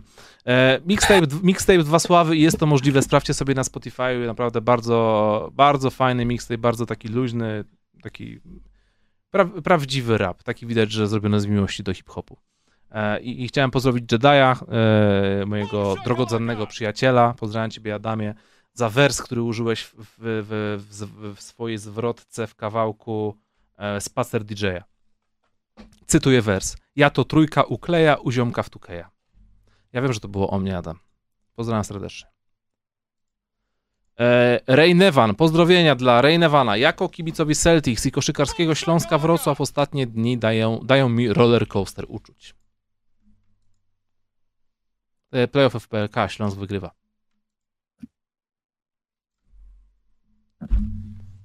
Masz jakiś kącik muzyczny jeszcze od siebie? Eee, wspomniałem o tym Tracy McGrady, bo to nie jest tak, że losowo mi się przyszedł do głowy Tracy McGrady, tylko też został właśnie użyty w wersji piosenki. Kto oglądał e, serial Arcane na Netflixie, jeśli dobrze pamiętam, mhm. to myślę, że powinien też kojarzyć soundtrack, bo jest świetny. Z czego są dwa kanałki hip-hopowe. Jeden jest Pusha T, a drugi jest Denzela Carego, który się nazywa Dynasties and Dystopia i jest tam Tracy McGrady też całkiem wyraźnie powiedziany, więc e, więc, e, więc, więc, więc stąd te myśli okay. przeszły do ciepłych wspomnień. Muszę sobie sprawdzić. Wrzucę tytuł, wrzucę tytuł na czat. Albo link? Chyba link, takie rzeczy się robi, jak się w tym wieku, nie? Tak. E, Mucha, pozdrawiam Muchę. Cześć, wróciłem do zajawki koszykarskiej głównie dzięki wam, mimo że już sporo po 30, jak na 90 wychowanka. Powiedzcie mi, czy Bullsi mają szansę jeszcze wyglądać jak drużyna, a nie składach? Czy to wieczna klątwa po MJ-u? Pozdro z Muranowa, Mucha. Wiesz co, pogadamy pewnie o takich drużynach e, z niższych miejsc, bardziej w okolicach off-season. tam w Chicago chyba troszkę, troszkę rzeczy się będzie musiało podziać, biorąc pod uwagę to, że Lonzo Ball e, znowu e, był, był krojony i nie wiadomo, jak to będzie u nich wyglądać na pozycji rozgrywającego. No ale liczę na to, że DeRozan zostanie i, i po prostu się tam zbuduje jakąś drużynę wokół. Jeśli Lonzo będzie mógł być zdrowy jeszcze i grać na 3 czwarte siebie, to tak. Jeśli nie, no to więcej dowiecie się gdzieś między, gdzieś mniej więcej między top 10 rzeczy, których nie trzeba pasować, a top 10 depresji. Połowa Be sierpnia, słyszymy się. Tak jest. Balen Joranson, pozdrawiamy. Siema, ile stracili Dallas zamieniając Bransona na wędrownego włóczyki, a Kyrie Irvinga i co na to Luka? Na ile realne jest, że może zażądać transferu? Pozdrawiam, mam nadzieję, że bawicie się prowadząc ten program równie dobrze jak widzowie. Bartek, bawisz się świetnie? Bawię się świetnie. Ja się bawię jak na dyskotece z tobą. Ale ile mamy lat? Bo jeśli to jest taka dyskoteka, że jesteśmy przy tej klasie podstawówki, to nie poszedłbyś ze mną na nie, bo bawiłbyś się najgorzej. No, byśmy pewnie gadali gdzieś tam przy ścianie. Eee, w szatniach. Luka, dobra, Kyrie Irving, nie poruszam tego tematu, pogadajmy, pogadajmy podczas off-season. Czy Luka poprosi o transfer? Myślisz, że to jest możliwe? Nie. Jeszcze nie. Dziękuję. Świerczu, Pozdrawiam Świerczu. Cześć panowie. Ja chciałem tylko powiedzieć, że symbolem serii Boston-Miami była akcja z drugiej kwarty trzeciego meczu, gdy najpierw Tatum rzucił Erbola, Brown zebrał tę piłkę i nie trafił spod kosza, a w następnej akcji Brown rzucił Erbola. Czy w lato będzie wymiana Browna? E, to pytanie już nie odpowiadamy na nie. się pojawia bardzo często w ciągu ostatnich kilku lat i, i wydaje mi się, że odpowiedź brzmi nie. Um, ale z tymi airbolami, właśnie też miałem ci powiedzieć, e, w tym, w tym meczu Celtics zwalnęli chyba cztery, cztery airbole, co najmniej cztery. było to na, na, na Reddicie, w sensie to jest czyjś wpis, e, czyjś wpis e, z, z, z, Twittera, nie pamiętam jak się nazywa dziennikarz. Celtics są jedyną drużyną w historii, która w finale konferencji zrobiła, zaliczyła cztery airbole i nie trafiła nawet ciosu wyprowadzonego, tego co Smart wyprowadził w Martina, ale nie trafił. Dostał tylko flagranta zwykłego, a chciał go trafić w tył głowy po prostu. Masakra. Nawilżający, nawilżający krem d'or. Jeszcze raz. Moja zajawka na NBA zaczęła się od playoffów w Orlando, gdzie Butler wymiatał i Bam zrobił ten świetny blok jednym palcem z Celtics. Pamiętacie? Kurczę, pamiętam ten blok. Pamiętamy. Pamiętam, no. Pamiętamy. Odkąd pamiętam, śledzę wasze studio, robicie świetną robotę, fajnie się was słucha, trzymajcie tak dalej. Dziękujemy bardzo, pozdrawiamy. E, Oldtimer23, pozdrowienia. Dobrze być tu z wami w poniedziałkowy wieczór. Dzięki. Zobaczyłem wszystkie mecze poza wczorajszym i co mnie uderzyło? Świetny Reeves i niestety słaby LeBron James. Mam wrażenie, że przerżnął im Game 2. Hit Celtics lepsi do oglądania i wiele więcej. Jesteście ok. Eee, zgadzam się z tym, co napisałeś całkowicie. Eee, oprócz tego, jeśli chodzi o w sensie wnioski z serii Lakers Nuggets, ale czy hit Celtics są lepsi do oglądania? Sami nie, hits są najlepsi do oglądania, ale seria chyba jednak też, że wolałbym oglądać zachodnią, ale najlepsza drużyna to jest Miami do oglądania. Tak. Łukasz, mam strasznie trudne pytanie po raz kolej, kolejny Śmiało. dzisiaj. E, to jest też nie moja oryginalna myśl, bo gdzieś przyleciałem teraz na Twitterze. Wiesz, że Carmelo Anthony grał w Denver z numerem 15, z tym samym z numerem, którym gra Jokic? Kogo zastrzegą Nuggets? Czy to jest w ogóle pytanie? dobra, Kar ale może nie zastrzec Carmelo, który dał ci Jamala Murray'a i tytuł w tym roku? Albo nie? Czy Carmelo dał Jamal Boreya? Nie, nie, nie, nie, nie, nie, będziemy na to patrzeć w taki sposób, stary. Nie będziemy na to patrzeć. Ale trochę potwarz nie, nie zastrzegać Carmelo, nie? Znaczy wiadomo, że jakiś jest najważniejszym zawodnikiem w historii drużyny i trzeba będzie go zastrzec, ale to trochę dziwnie nie zastrzegać Carmelo, nie? Nie, nie nie, niech, niech zrobią zastrzeżenie numeru 3 na hołd trzeciego piku draftu. Okej. Okay. Nie no, ale, ta, ale tak serio? Wydaje mi się, że to się może skończyć w taki sposób, że Nikola Jokic na przykład stwierdzi, że ma to wszystko gdzieś i możecie zastrzec na przykład numer 16, bo mnie to nie obchodzi, a Carme Carmelo może mieć 15. Albo wiesz co? Powiedzą... Albo czekaj, który to numer był? 51? 15. Który był to pick draftu Nikoli? Nie, nie pamiętam. Bardzo... 38? Nie, gdzieś 47, 51, daleko to było, 48. daleko. 8? Ja wstałem 51. Czekaj, bo ja nie pamiętam a, tego. A, 41. 41, okej. Okay. To y, pomyliłem się o 10. To niech Albo będzie... zastrzegą obu, a Carmelo, a Nikola jakiś po prostu nie przyjedzie, bo jak skończy karierę, to wyjedzie ze Stanów i do nich nigdy nie wróci. Bo ma w dupie całe te Stany i te media i te legacy i po prostu chce konie e, oglądać, Dokładnie. jak jeżdżą w Serbii i tyle. Łasuch 20. Pozdrawiamy. Zauważyliście, że Jimmy Butler zawsze skacze na dwie nogi, rzuca w pierwsze tempo lub robi pompkę, ostatecznie podaje, ale większość rzutów jest z dwóch nóg. Nie kojarzę, żeby ktoś inny robił to tak często. Na Roberta Williamsa wystarczy, bo zawsze skacze do tego. Trochę tak. Ale bardzo mi się podoba to, jak za każdym razem Jimmy. E, bo Jimmy dostał czapę przy jednej próbie rzutu za trzy od Roberta Williamsa. I później za mhm. każdym razem go wyciągał i przed, każdy, przed każdym kolejnym rzutem robił sobie odskok do tyłu. No taką daleką dwóję. Ale ściągnął go tam, to, była, to, to było dobre zagranie no. Williamsa no. w obronie, jedno z lepszych tej serii po stronie Bostonu. Prasujący Bartłomiej. Pozdrawiamy. Nie Jimmy, Jimmy w playoff jest tak gorący jak moje żelazko przy prasowaniu podczas słuchania studia.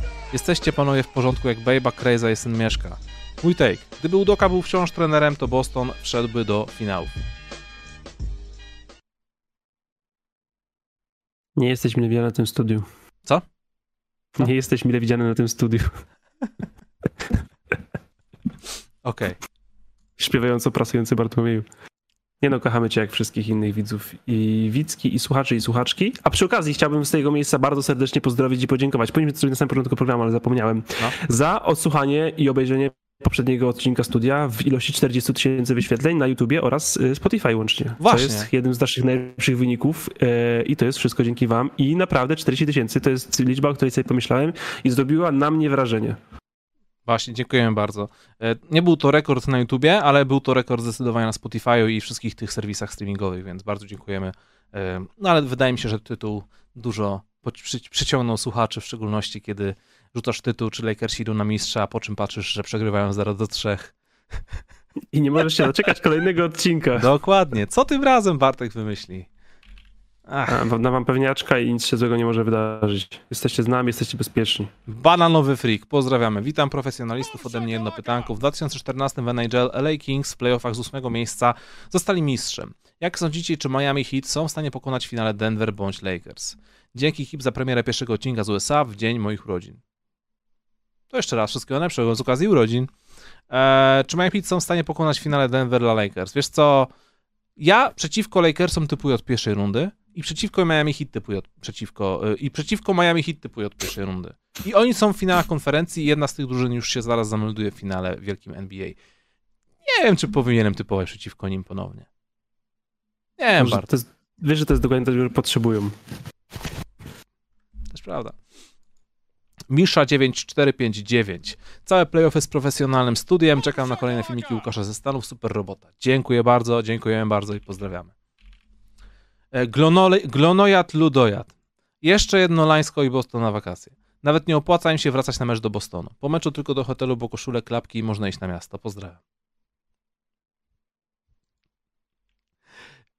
Dziękujemy za donate. Punisher Game Cam. Siema, jak myślisz, dlaczego Blake Griffin siedzi cały czas na ławce? I czy pojawi się kiedyś film o Tracy McGrady na twoim kanale i dlaczego Tracy odszedł z Toronto do Orlando? E, jeśli chodzi o ten ostatni wątek Toronto do Orlando, to polecam obejrzeć sobie mój film o wsadzie Vince'a Cartera, bo tam jest parę słów na ten temat właśnie opowiedziane. E, czy pojawi się film ogólnie o Tracy? Pewnie kiedyś tak, jakby co to... Nie wiem, czy powinienem polecać moją drużynę wszechczasów Houston Rockets sprzed 7 lat, bo sam się boję to włączyć, ale jakby co to tam o Tracing było. Czy Blake Griffin siedzi cały czas na ławce? W sensie siedzi, ale dlaczego? To jest pytanie dla ciebie, Bartek. Czy Blake, Griffin, czy Blake Griffin jest jeszcze zawodnikiem NBA? Yy, ja myślę, że w roli mentora jeszcze może coś tam zrobić, ale czy rola mentora Blake, czy Blake Griffin jest dobry w roli mentora, to jest trudne pytanie. Ja, dobra, jeśli byłbym GM, nie dałbym kontraktu już Blake'owi Griffinowi żadnego. Mhm. Myślę, że już może skończyć karierę po prostu i oddać się czemuś innemu, niż sobie dalej uszkadzać człowieka, bo niestety ten moment po transferze do Detroit, który będę pamiętał do końca, to był fantastyczny Blake Griffin ja go zapamiętam tylko z tego. Ja, ja pamiętam go z Detroit, z Clippers go nie pamiętam. Eee, bo tam był fantastyczny, tam był gwiazdą, tam prowadził drużynę, tam po prostu wszystko było jak należy i wydarzyła się kontuzja, po której się nigdy nie, e, nigdy nie pozbierał. No tak. Adamu z Łomży. Pozdrawiamy. Polonia w sobotę awansowała do pierwszej ligi. Pozdro profesjonaliści. Dziękuję po raz drugi. Olej 9. Byłem ostatnio z partnerką Magdą na wakacjach kamperem i trzy razy włączyłem studio podczas jazdy. Magda na koszu się nie zna zupełnie, a bardzo jej się podobało, więc nie tylko content jest rewelacja, ale i narracja. W takim razie pozdrawiamy. Y, Olej, pozdrawiamy, pozdrawiamy Magdę. Bardzo nam miło w takim razie i, i zachęcamy do odsłuchów kolejnych odcinków.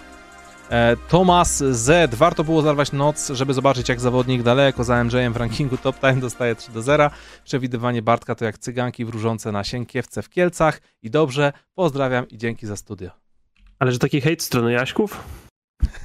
Dajcie im jeszcze porobić tę karierę, spokojnie, jeszcze nie wiemy gdzie są w all time bardzo łatwo się wyciąga e, te nietrafione teki. O, o trafionych się już nie pamięta, nie, Bartek?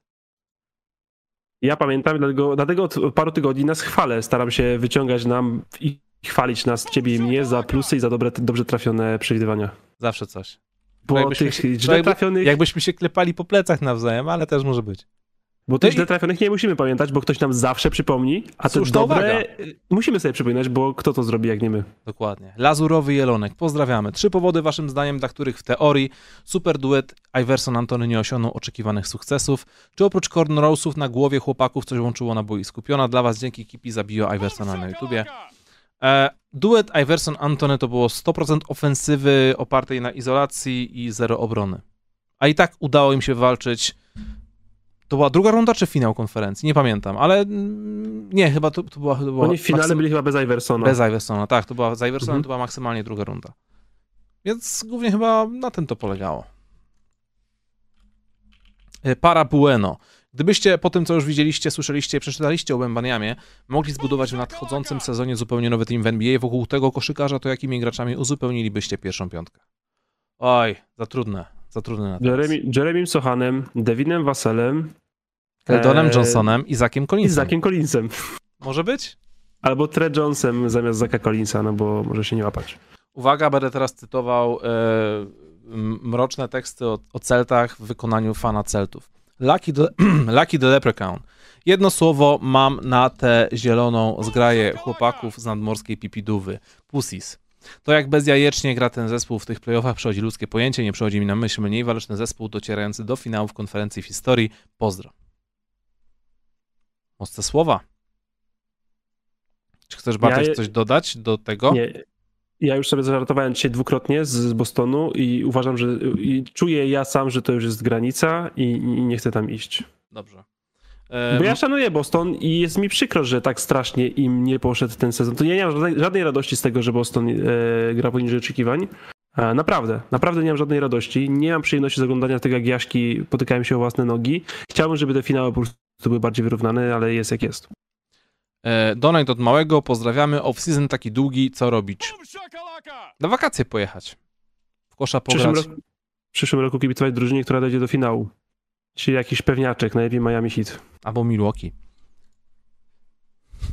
czysta panierka, pozdrawiamy. Czy w Boston szykują się realne transfery, jeśli tak, to jakie?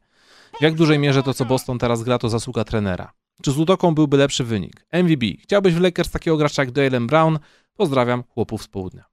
Dużo pytań o Boston i na w kilka z nich nawet były odpowiedzi chyba wcześniej trochę. O, może oprócz tego, czy chciałbyś Jalena Browna u siebie?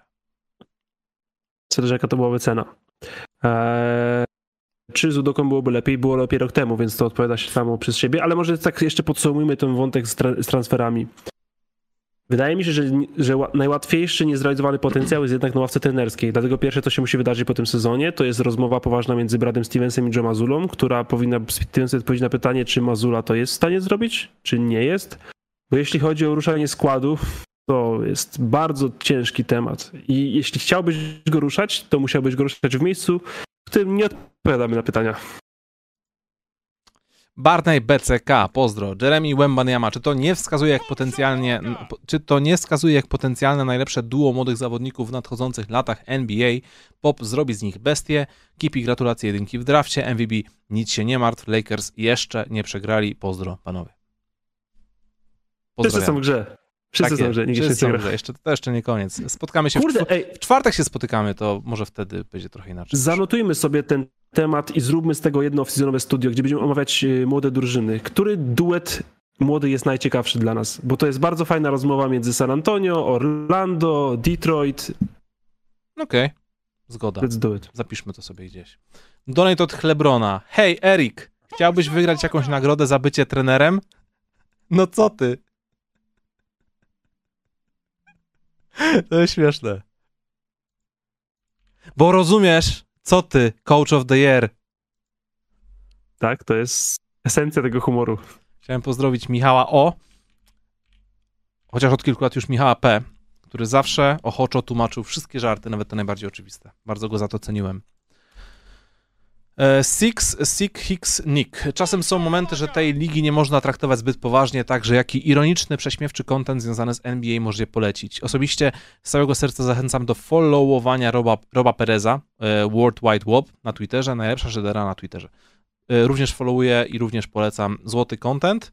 Od ciebie bym jeszcze sprawdził poszczególne stronki zespołów na Reddicie, bo tam często można znaleźć mnóstwo przedziwnego kontentu, bardzo zabawnego. Ja polecam profesjonalne studia NBA, gdzie jest humor i profesjonalizm. E, Spriroy, pozdrawiamy Spriroya. Cześć, w obydwu seriach finałów konferencji mamy 3 do 0. Która z serii w historii NBA mogła według Was się zakończyć wynikiem 3 do 4 dla drużyny, która przegrała pierwsze trzy mecze? E, PS MVP Lacrimosa Mozarta elegancko wchodzi, dzięki, pozdrowienia. E, ta seria, że nikt nigdy nie wszedł z 3-0 pewnie się skończy, jak prawie wszystkie serie, ale wydaje mi się, że to jest po prostu najbardziej banalny scenariusz, czyli drużyna wygrywa 3-0 i w tym meczu pod koniec najlepszy zawodnik wygrywający drużyny się kontuzuje poważnie. I tak się przychyla szale. Tak. E, uśmieszek wysłał Donata e, z żartem. Jimmy Butler, daj zasłonę bam, pójdę na izolację do rogu. Jeżeli mnie podwoją, to podam, bądź rzucę fadeawaya w mordę. Jason Tatum. Chuj, kuwa, trójka. I po cholerę się produkowaliśmy pół godziny? E, Zielina, e, siemanko, pytanko, skoro Miami ma tylu niewydraftowanych zawodników, to co się stało z wydraftowanymi lub spikami? Fajnie wiedzieć, że w każdy poniedziałek jesteście, ale w sumie jeszcze jedno pytanie. Nie myśleliście o wywiadach, na przykład jak ten Juciem e, z, z Juciem w kanale sportowym Pozdro? E, studio jest tylko dla nas. Ja ze swojej strony mogę e, jedynie powiedzieć, że może kiedyś spoko rozmowy powrócą. E, I jeszcze mamy temat Wielkiej Trójki z Gortatem i Hanasem i tam też być może pojawią się jeszcze goście, więc, więc trochę tych formatów jest i tyle. Co, co z, z wydraftowanymi lub spikami Miami? Nie wiem, Tyler Hero chyba nie najgorzej im wyszedł w drafcie. No, Ej, Bama oni też wybrali, czy oni po niego wymienili, jak był zaraz wybrany? nie pamiętam. A, pa, pa, pa. Wybrany Miami Heat. przez... Nie. Wybrany. Czy nie wybrany? Tak, 14 numer Miami Heat. No to na przykład myślę, że wybory Miami nie najgorsze. E, Penny Hardaway. Czekamy na finały Miami Denver. Będzie widowisko. Chodzi o to z pikami Miami, że po prostu nigdy nie wybrałem wysoko. Mhm. To są zawsze właśnie wybory poniżej 10 miejsca. E, I ostatni donate. He knows who I am. Najlepszy highlight tych playoffów to zdecydowanie uje Jimmy'ego. To już jest legendarne. Uje Jimmy'ego jest troszkę jak, ten, jak te reklamy napojów, tych, ten wielki dzbanek czerwony Cool Aid. Jak Tak, fa- tak, Family tak. Guy zawsze to zawsze y, robili to w taki prześmieszny sposób. Uje i się wbijał przez mur. Trochę jest taki Jimmy właśnie.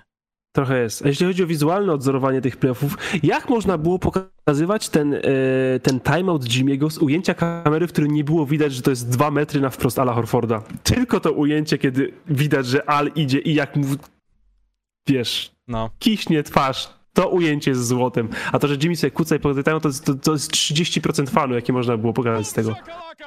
E, donate już za nami, to jeszcze tak na szybko. E, o, właśnie wszedłem sobie na Instagrama, żeby przeczytać wam e, pytanka z kubełka, z kubełka e, i, i e, wyświetliło mi się już tak potwierdzone oficjalnie, że Kamil Hanas również będzie grał w meczu Gortat Wojsko Polskie. A przypomnę, że ten mecz odbędzie się już w najbliższą sobotę w Łodzi. Bilety można kupić, link znajdziecie wszędzie na profilach Marcina Gortata. E, I my też tam się pojawimy z Bartkiem zresztą. Prawda? Tak, i może tam coś krótkiego nagramy, może z kimś innym, ale tak jak wcześniej mówiłeś, prezydent NBA jest dla nas. Dobra, pytanka. Cyk. Bartek, pytanka życiowe? Koszykarskie?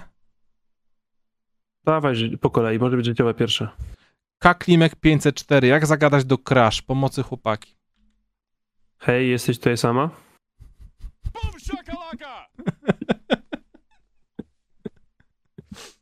Jak na przykład twoja Crash stoi w kolejce, to możesz do niej zagadać hej, ty też stoisz w tej kolejce? Dokładnie, to jest też klasowy tekst. Życzy, Kaklimek 504, życzymy ci powodzenia z podrywem. Z nami zajdziesz daleko. Em,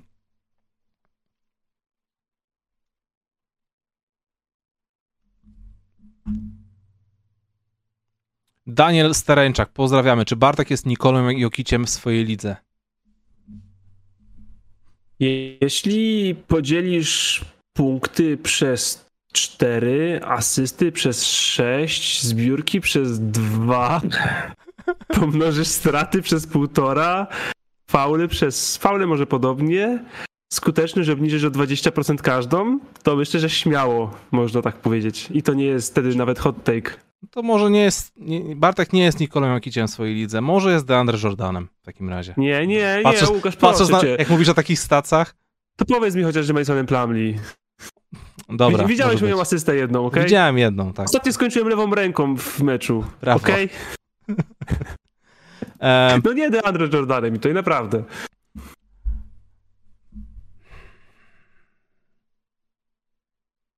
Tak naprawdę jestem, e, jak się, kurczę, no nigdy nie przypomnę sobie. Pamiętasz taki gość, który grzał ławę w Lakersach, e, taki biały center 2010-2014, nigdy To- nie grał, zawsze był na końcu. 2010-14, bo wcześniej to No, myślałem, no, że no, ci taki o... najgorszy.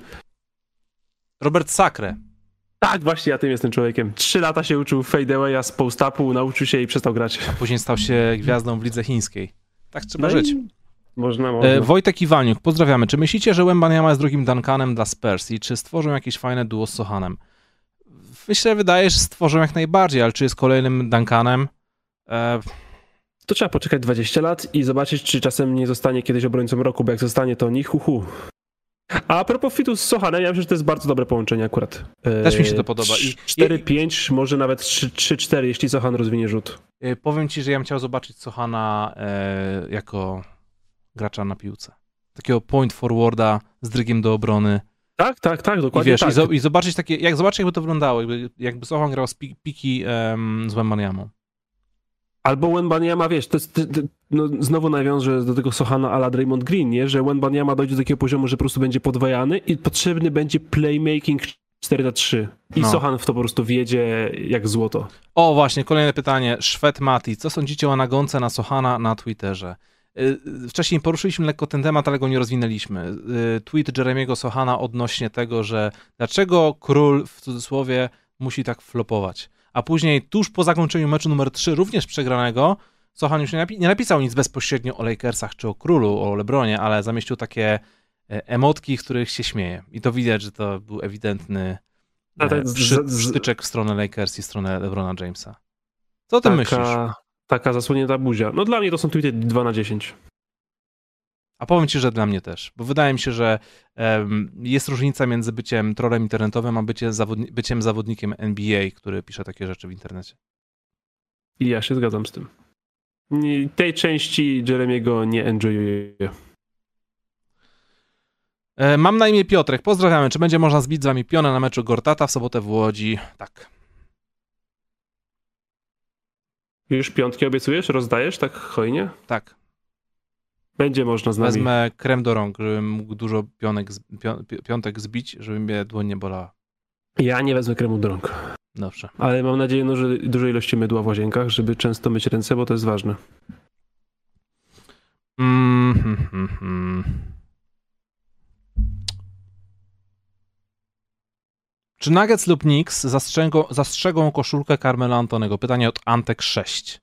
O Nuggetsach gadaliśmy, ale o Knicksach tak. zastanawiam się, że, że Knicks mogliby. Tam nie było mogliby. sukcesów, ale, ale jednak, wiesz, no, bazując na tym, jaką historię mieli Knicksi w ciągu ostatnich 23 lat, Dokładnie. Carmelo, wyglą Carmelo wygląda u nich jak po prostu legenda. Legenda tej drużyny, legenda tego miasta.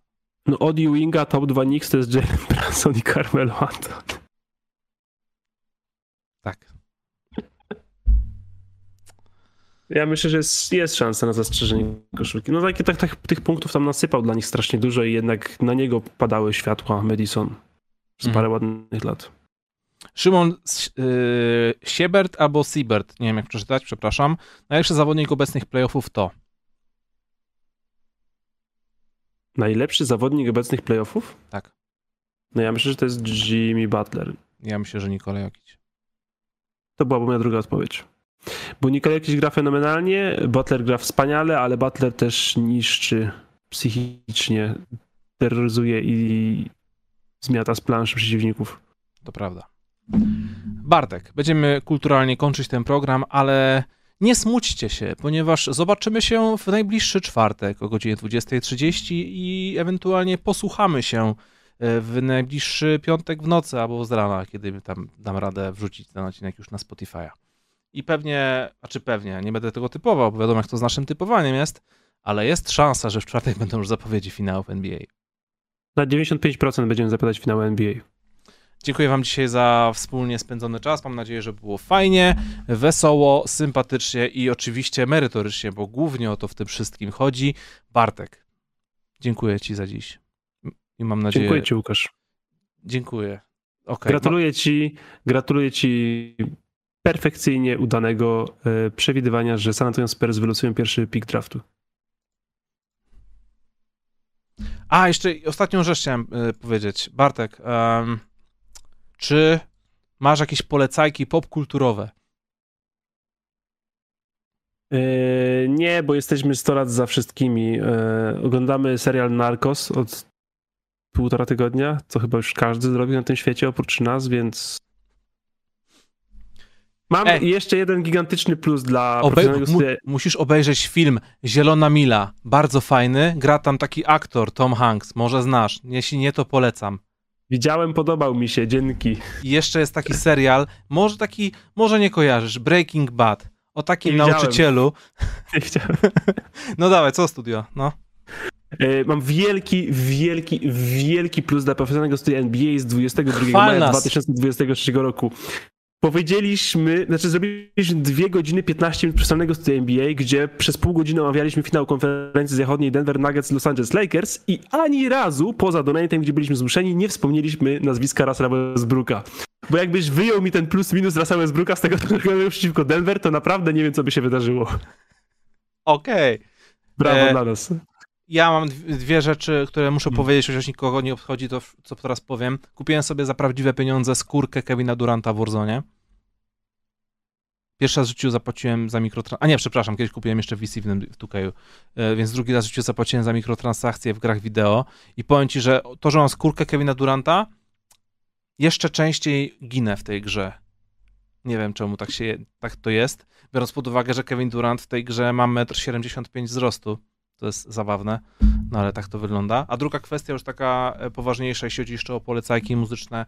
E, jednym z moich najulubieńszych producentów muzycznych to jest Venizyl e, z Francji. Jest, pisze się to 20 syl, tak dokładnie. No i teraz wydał album z takim raperem Alta. Już jest dostępny na Spotify'u. Przesłuchałem póki co pierwsze trzy kawałki, bo jeszcze nie zdążyłem całości, ale już słyszę, że jest kozackie. I swoją drogą, panowie jakiś miesiąc temu wydali utwór, korzystając z dobrodziejstw albo złodziejstw, zależy jak to się na to patrzy, e, sztucznej inteligencji. I zrobili kawałek, w którym ten raper Alta e, jakby na, y, mm, przebija swój głos symulowanym głosem Jay-Z. I brzmi to tak, jakby Jay-Z po prostu nawijał mu na ficie. I to jest kosmiczne, że sztuczna inteligencja robi teraz takie rzeczy. Bartek. No, z takim naśladownictwem Jay-Z to chyba trochę nieładnie, ale jest to wciąż niesprecyzowany obszar.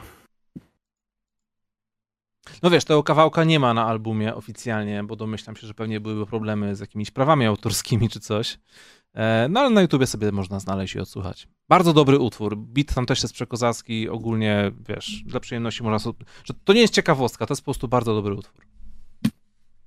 Oglądajcie film Łukasza ze Stanów, ten pierwszy, bo musi mieć motywację, żeby robić szybko kolejne. Drugi odcinek będzie z, e, za dwa tygodnie.